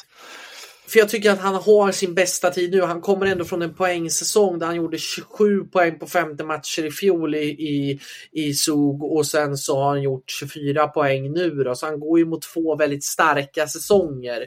Och jag tror att man vill, jag tror att han hellre kan skriva ett lukrativt avtal i Schweiz där jag tror att han faktiskt trivs ganska bra. Mm. Alternativt blicka över till Nordamerika även om jag inte tror att det är lika aktuellt. Ja, det tror jag inte. Eh, Jag tror gammal för det tror jag inte. Jag tror, jag tror att det blir, jag tror det blir en fortsättning i Schweiz om jag ska vara ärlig. Jag tror också det. Eh, nästa fråga då är från, eh, se här, från eh, Per Ludde. Frölundas PP, är det nära ett rekord? Frågetecken. Och så jag menar alltså negativt rekord med andra ord. ett uselt rättare sagt i PP. Ja, Eh, jag och, vet inte eh, vad rekordet ligger på faktiskt. Jag skulle ha den här, vad heter, vad hette den här? Det fanns ju någon sån här eh, bok man kunde gå in och söka på faktiskt. Men det har ju lagt ner. Det fanns ju någon databas man kunde gå in och kolla på. Jag vet inte hur rekordet ligger på, på ett antal, alltså sämst i eh, powerplay. Ja, exakt. Jag är riktigt i liksom på, poäng. Vi kan ju ta kan ju göra en fältundersökning som den granskande journalisten jag är. I, i mitt- 13,7 procent har man sig powerplay i Frölunda och det är ju, alltså, det är ju ruggigt dåligt. Ändå. Det måste ju Ja. vara bland det sämsta på många, många år efter många matcher. Ja, om du tittar på, om vi tittar på Nej men du, vilka, vet du vilka som hade sämst? Det var ju Sam Hallams utläggning med. Djurgården. Han. Ja, 3,3 Djurgården. procent. Ja, det var bara, det var bara några matcher var det. Det var två matcher tror jag någonting va? De hade 3,5 Ja, exakt. Det är väl liksom en hel säsong nästan, 35 matchspel liksom och har 13 procent. Ja. Ska man titta på de senaste säsongerna så hade ju liksom Brynäs var ju sämst eh, säsongen i fjol. Då hade de eh, 18,52 procent. Då Ja, var det är ju sämst. stor, stor Det är skillnad på ganska 13 stor skillnad. och 18. Ja, det är. Ja, Frö Frölunda hade ju faktiskt sämst powerplay säsongen 2020-2021. Mm. Då hade de 18,79. Eh, vi backar bakåt här ännu längre Ja. så ser jag, ser jag det finns någonting som, som... Jo men du, vi har faktiskt en, en, en sämre bottennotering sett över hela säsongen. Ja, Kan ni gissa vilket lag det är? Karlskrona. Nej, Nej. men eh, det, det är ett lag som är ganska nära geografiskt. Oskarshamn eller? 1920? Jajamän! Ja. Oskarshamn 1920 låg på 12,50 procent. Det är inte så långt ifrån dem. Alltså, vilket skit Det är de hade in- också om då den säsongen. Så är det inte så skillnad på Frölundas lag nu då. Det är, det är procent. Ja, det, det är då det är det, sjukt men- alltså. Men du, jag har hittat en sämre notering faktiskt. Än det här. Ännu sämre. Nu ska vi... Nu ska Är det vi ensiffrigt nu, eller? långt ner. Nu ska vi... Det, det är nära där. Mora säsongen 2017-18. Var de så dåligt alltså? 11,80. Ja. 11,80. Och Är de det Bromé där i spetsen? Ja. Ja, men tydligen gick det rejält i, i låsheten. Sen, sen vet jag inte riktigt om vi ska backa längre tillbaka. Ja, men du, vi har ju också. Det här är ju. Det här är ju. Det här är Ännu sämre nu. Är det det, här är, som det, här, det, här är, det, här är, det här är riktigt, riktigt illa. Säsongen 2014-15 så svarade Modo Modo. för, ni, för 9,60 i powerplay. Ja, ja, det är inget lysande powerplay direkt om man säger så. Det var inte, de hade faktiskt sämst två år på raken. Eh, Undrar om deras stackars assisterande tränare var Modo. kvar sen efter det. 9 procent i powerplay, alltså det är skrämmande dåligt nästan. Då är det då är, alltså det, så dåligt går det knappt inte vara. Sen har jag faktiskt inte hittat, eh, när vi går ännu mera djupt, det skulle vara så roligt att verkligen se liksom, om det finns något ännu sämre från, från typ eh, tidigt 90-tal eller något sånt där. Vi ska se här. Jag sitter och gräver i eh, statistiken bara räcker Spontan bara eh, till... statistikundersökning här, mitt i Mm. är kul. Mm, som den fält, eh, fältundersökaren jag är så Mm. måste jag titta på. Nej, men statistiken går bara tillbaka till 2000, eh, 2006, 2007 och då är det Modos bottennotering där som är Mm. eh, sämst. Och Nej, det är inte så långt alltså ifrån. när man inte har 9,60. 13,7 procent. Det är inte så långt ifrån en 9 någonting. Det är bara 3-4 procent. Och eh, Du har en Ryan, Ryan Lash som gjorde- har bra spelare, man Louis Eriksson, man har många bra spelare som egentligen borde kunna göra bättre från som de egentligen gör. Så är någon sett till laget man har, sett till prestationen i powerplay så är det väl en rekorddålig notering nästintill i alla fall. Sett över många, många Vad säsonger hade, bak. vad hade Modo för lag där? Nu blir för jätteintressant faktiskt Mm. att titta på här. 2014-15, vad hade, eh, var det den säsongen man åkte ut? Va? Kan det ha varit den man åkte ut mot Leksand i kvalet? Eh, Mycket möjligt. Man hade ju eh, Ja, nej du, det här är nog året innan va? Eh, tror jag faktiskt att det är. Då, men man hade alltså spelare som man hade Jonas Lettjuvoro på backplats, man hade Emil Djuse faktiskt. Man hade Jonas Ahnelöv, man hade Albin Karlsson, man hade Niklas Torp, man hade Jesper Lindgren. Man hade, om man tittar på eh, forwardstruppen så hade man Kyle Flanagan, Carl Grundström, Adrian Kempe, William Nylander, Viktor Olofsson, Det är inga Gustav. Possler, Mattias Ri- Ritora, eh, Simon Önerud. Det är inga dåliga Nej, det spelare är, man alltså, faktiskt hade bra i den här ihåg. Rita truppen. var ju typ jättebra de säsongerna där i powerplay framförallt och var en offensivt producerande spelare. Det. William Nylander gjorde 20 poäng på 21 matcher i den här säsongen. Mm. Det, Han var också bra. det är inte, inte direkt dåligt. Och sen hade man Per-Åge Skröder som var poängbäst faktiskt Mm. med 25 poäng på 51 matcher. Så att, eh, Fan poängbäst med den noteringen. 25 poäng. ja. ja, det var ingen glimrande Nej, det säsong. var ingen offensiv produktionssäsong för Modos eller en säsong om man säger så. Nej, sen åkte man ut eh, säsongen efter.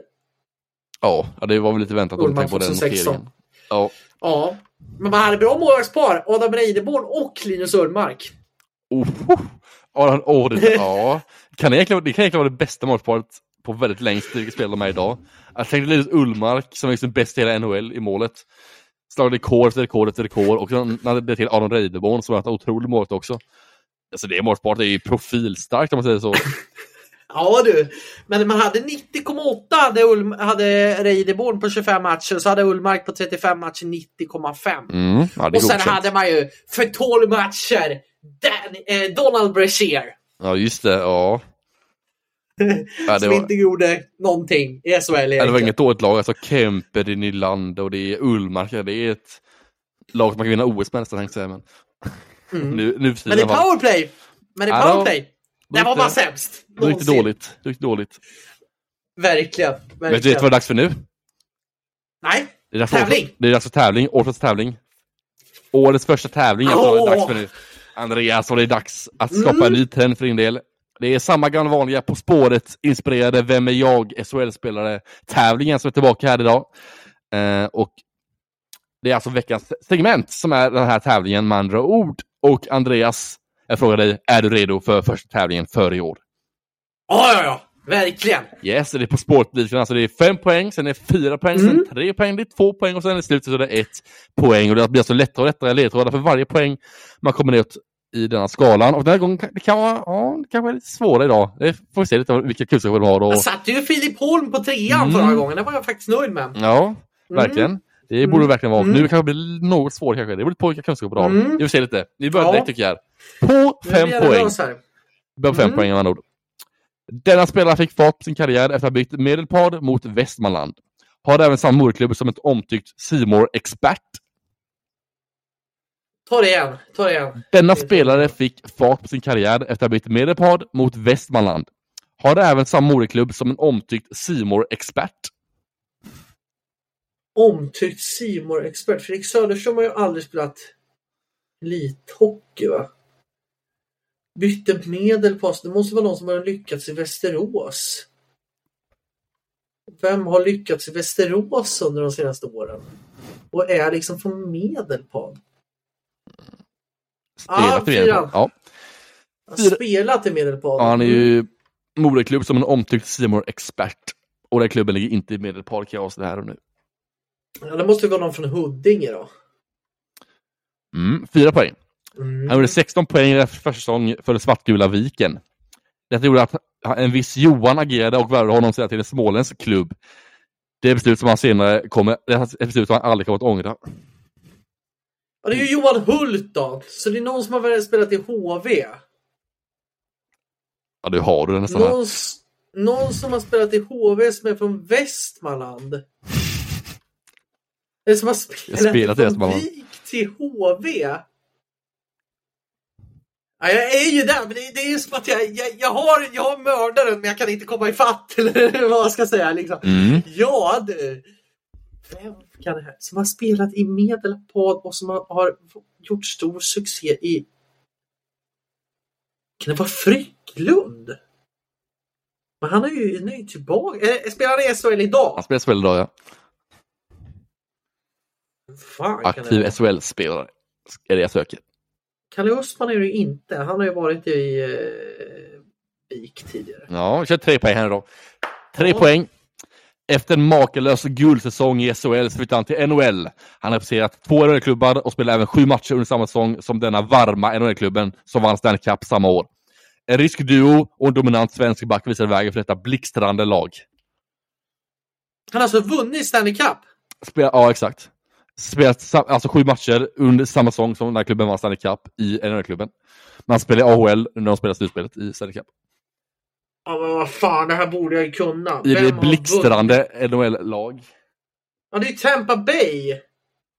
En rysk fan, och måste jag ju kunna det. Någon som har spelat i Tampa Bay när de vann SM-guld. Nej, ifrån- Stanley Cup-guld var de inte SM-guld. ja, Stanley Cup-guld.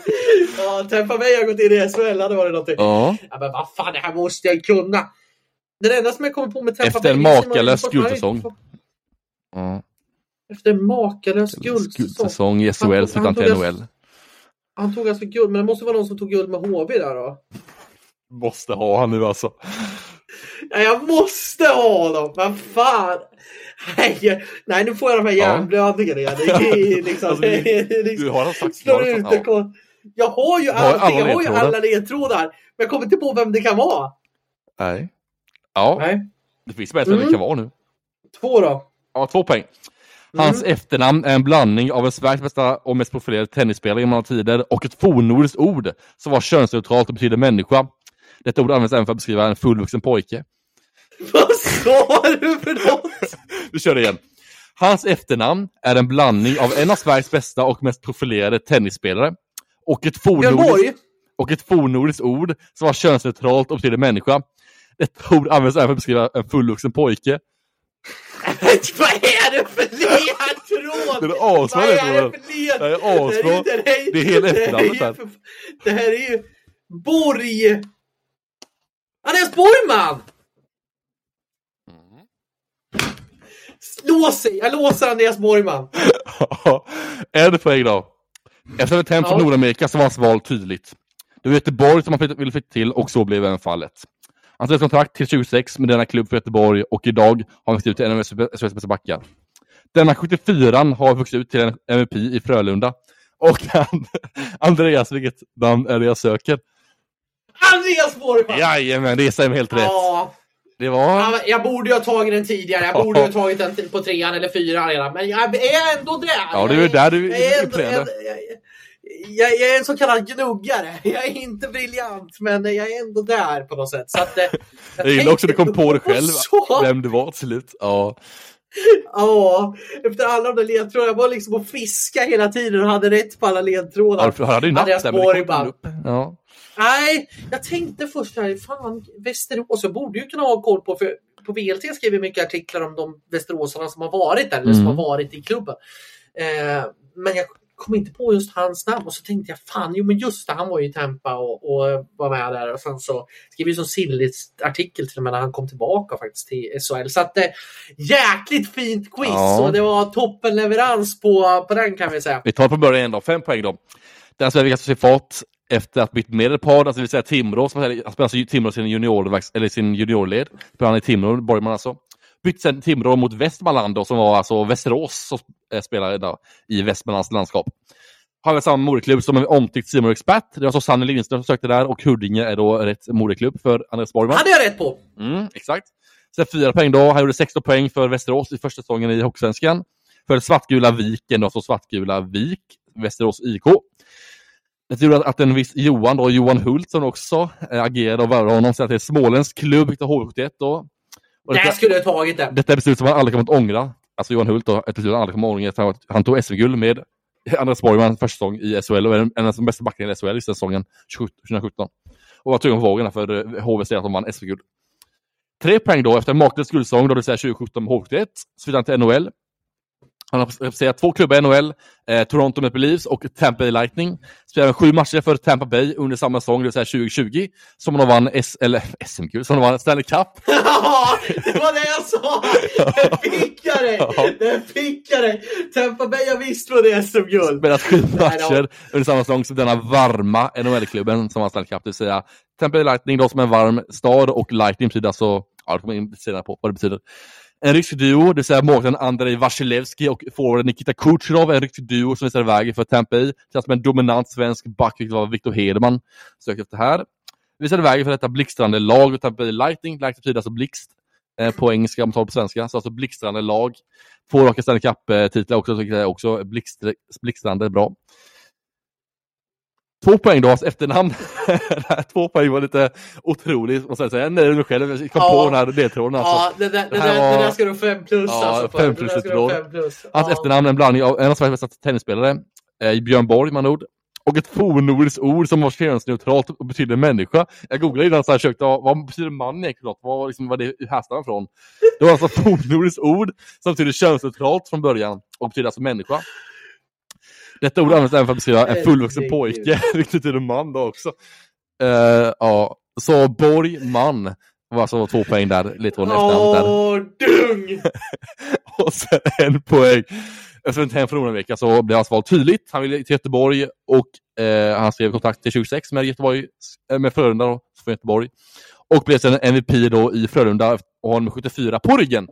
Därför är han, den här 74 han ut till en MVP i Frölunda, för att han har blivit MVP och most han är, han är en av de viktigaste spelarna i hela Frölunda, skulle jag säga. Sett till poängsnitt Absolut. och vad de presterar med han på isen, jämfört med vad han, han inte är på isen. Absolut. Vet, du vad jag tycker också? Nu ska jag utmana dig faktiskt. Ja. Nu ska vi köra lite som jag, jag har skrivit till vårat... Jag gjorde ett så kallat music quiz med en kompis här till nyårsafton. Oh, musikquiz! Briljant! Oh. Eh, på spåret eh, anekdot. Oh. Eh, med ledtråd. Och då var det de här, eh, du och de här, eh, vad är de heter, Hooja som har blivit så populära. Ja, just det. Med lite epatrakt och musik och lite sånt. Ja. Men i alla fall, de är från en norrländsk stad där det gäller att vara med. Vilken stad är de från? Är Luleå eller? Nej, nej. nej. är det inte? Nej. De är från en stad där det gäller att vara med. Där det gäller att vara med? Gäll... Ordvits. Gällivare. Nej, Gällivare. Yes! Är det? Där har du det! Gällivare. Där har du det. Gällivare. Där har du det. Ja. Två plus. Två plus. Ja. Jag tycker din var bättre. Ja, det var alltså två poäng serien så klockren ledtråd alltså. När jag fick reda på den bara, jag började skratta mig själv när jag såg den ledtråden jag skrev ner den här innan. Ja, oh, herregud. Ja, herregud. Men du tog två poäng under Andreas, nog ganska imponerande. Ja. Det är nog, du hade, alltså, du var sport innan var du, du hade Johan Hult, du hade ju Västerås, du hade Huddinge, och du hade H1, och du hade Gudsång, och du hade Tempe, och du hade, liksom, du hade alla pusselbitar, men det blev inget komplett av det ändå. Det blev två poäng istället. Och, och vi ska komma ihåg att Tampa Bay har ju tagit SM-guld. Ja, det är titeln eller på att berätta påståendet. Tampa Bay tar SM-guld. Exakt ja. ja. Avslöjar Tampa Bay in i SHL, hade jag velat se. Ja, det hade varit en dominans på ny nivå. Men ja, vi säger så för veckan Andreas, vi stänger butiken nu med en fantastisk quiz och fantastisk På spåret liknande tävling som du tog två poäng i årets tävling och fler tävlingar kommer komma här framöver också. Det gör vi. Ta hand om er alla där ute och som sagt, är det någonting, eh, har ni några lyssnarfrågor, hojta bara till så försöker vi svara i podden. Eh, och sen får vi ha en riktigt fin hockeyvecka. Nu ska jag ner till Göteborg och testa en riktig lyxhotell. Så det ska bli... Jajamän, det är som vanligt med andra ord. Hör, det är som vanligt med andra ord. Eh, och vi hockey ny vecka. Ni är lyxlirare Andreas är här och vi stänger butiken tillsammans här nu. Jag och lyxliraren Andreas. Exakt, nya möjligheter. Ny, nytt liv, eller nya... Ny, nytt liv? Ny, nya möjligheter, nya matcher och nya hotell. Det är så livet ska vara. Jajamän. Tack så mycket för Ha det bra nu. Hej då. Hej då. Hej då.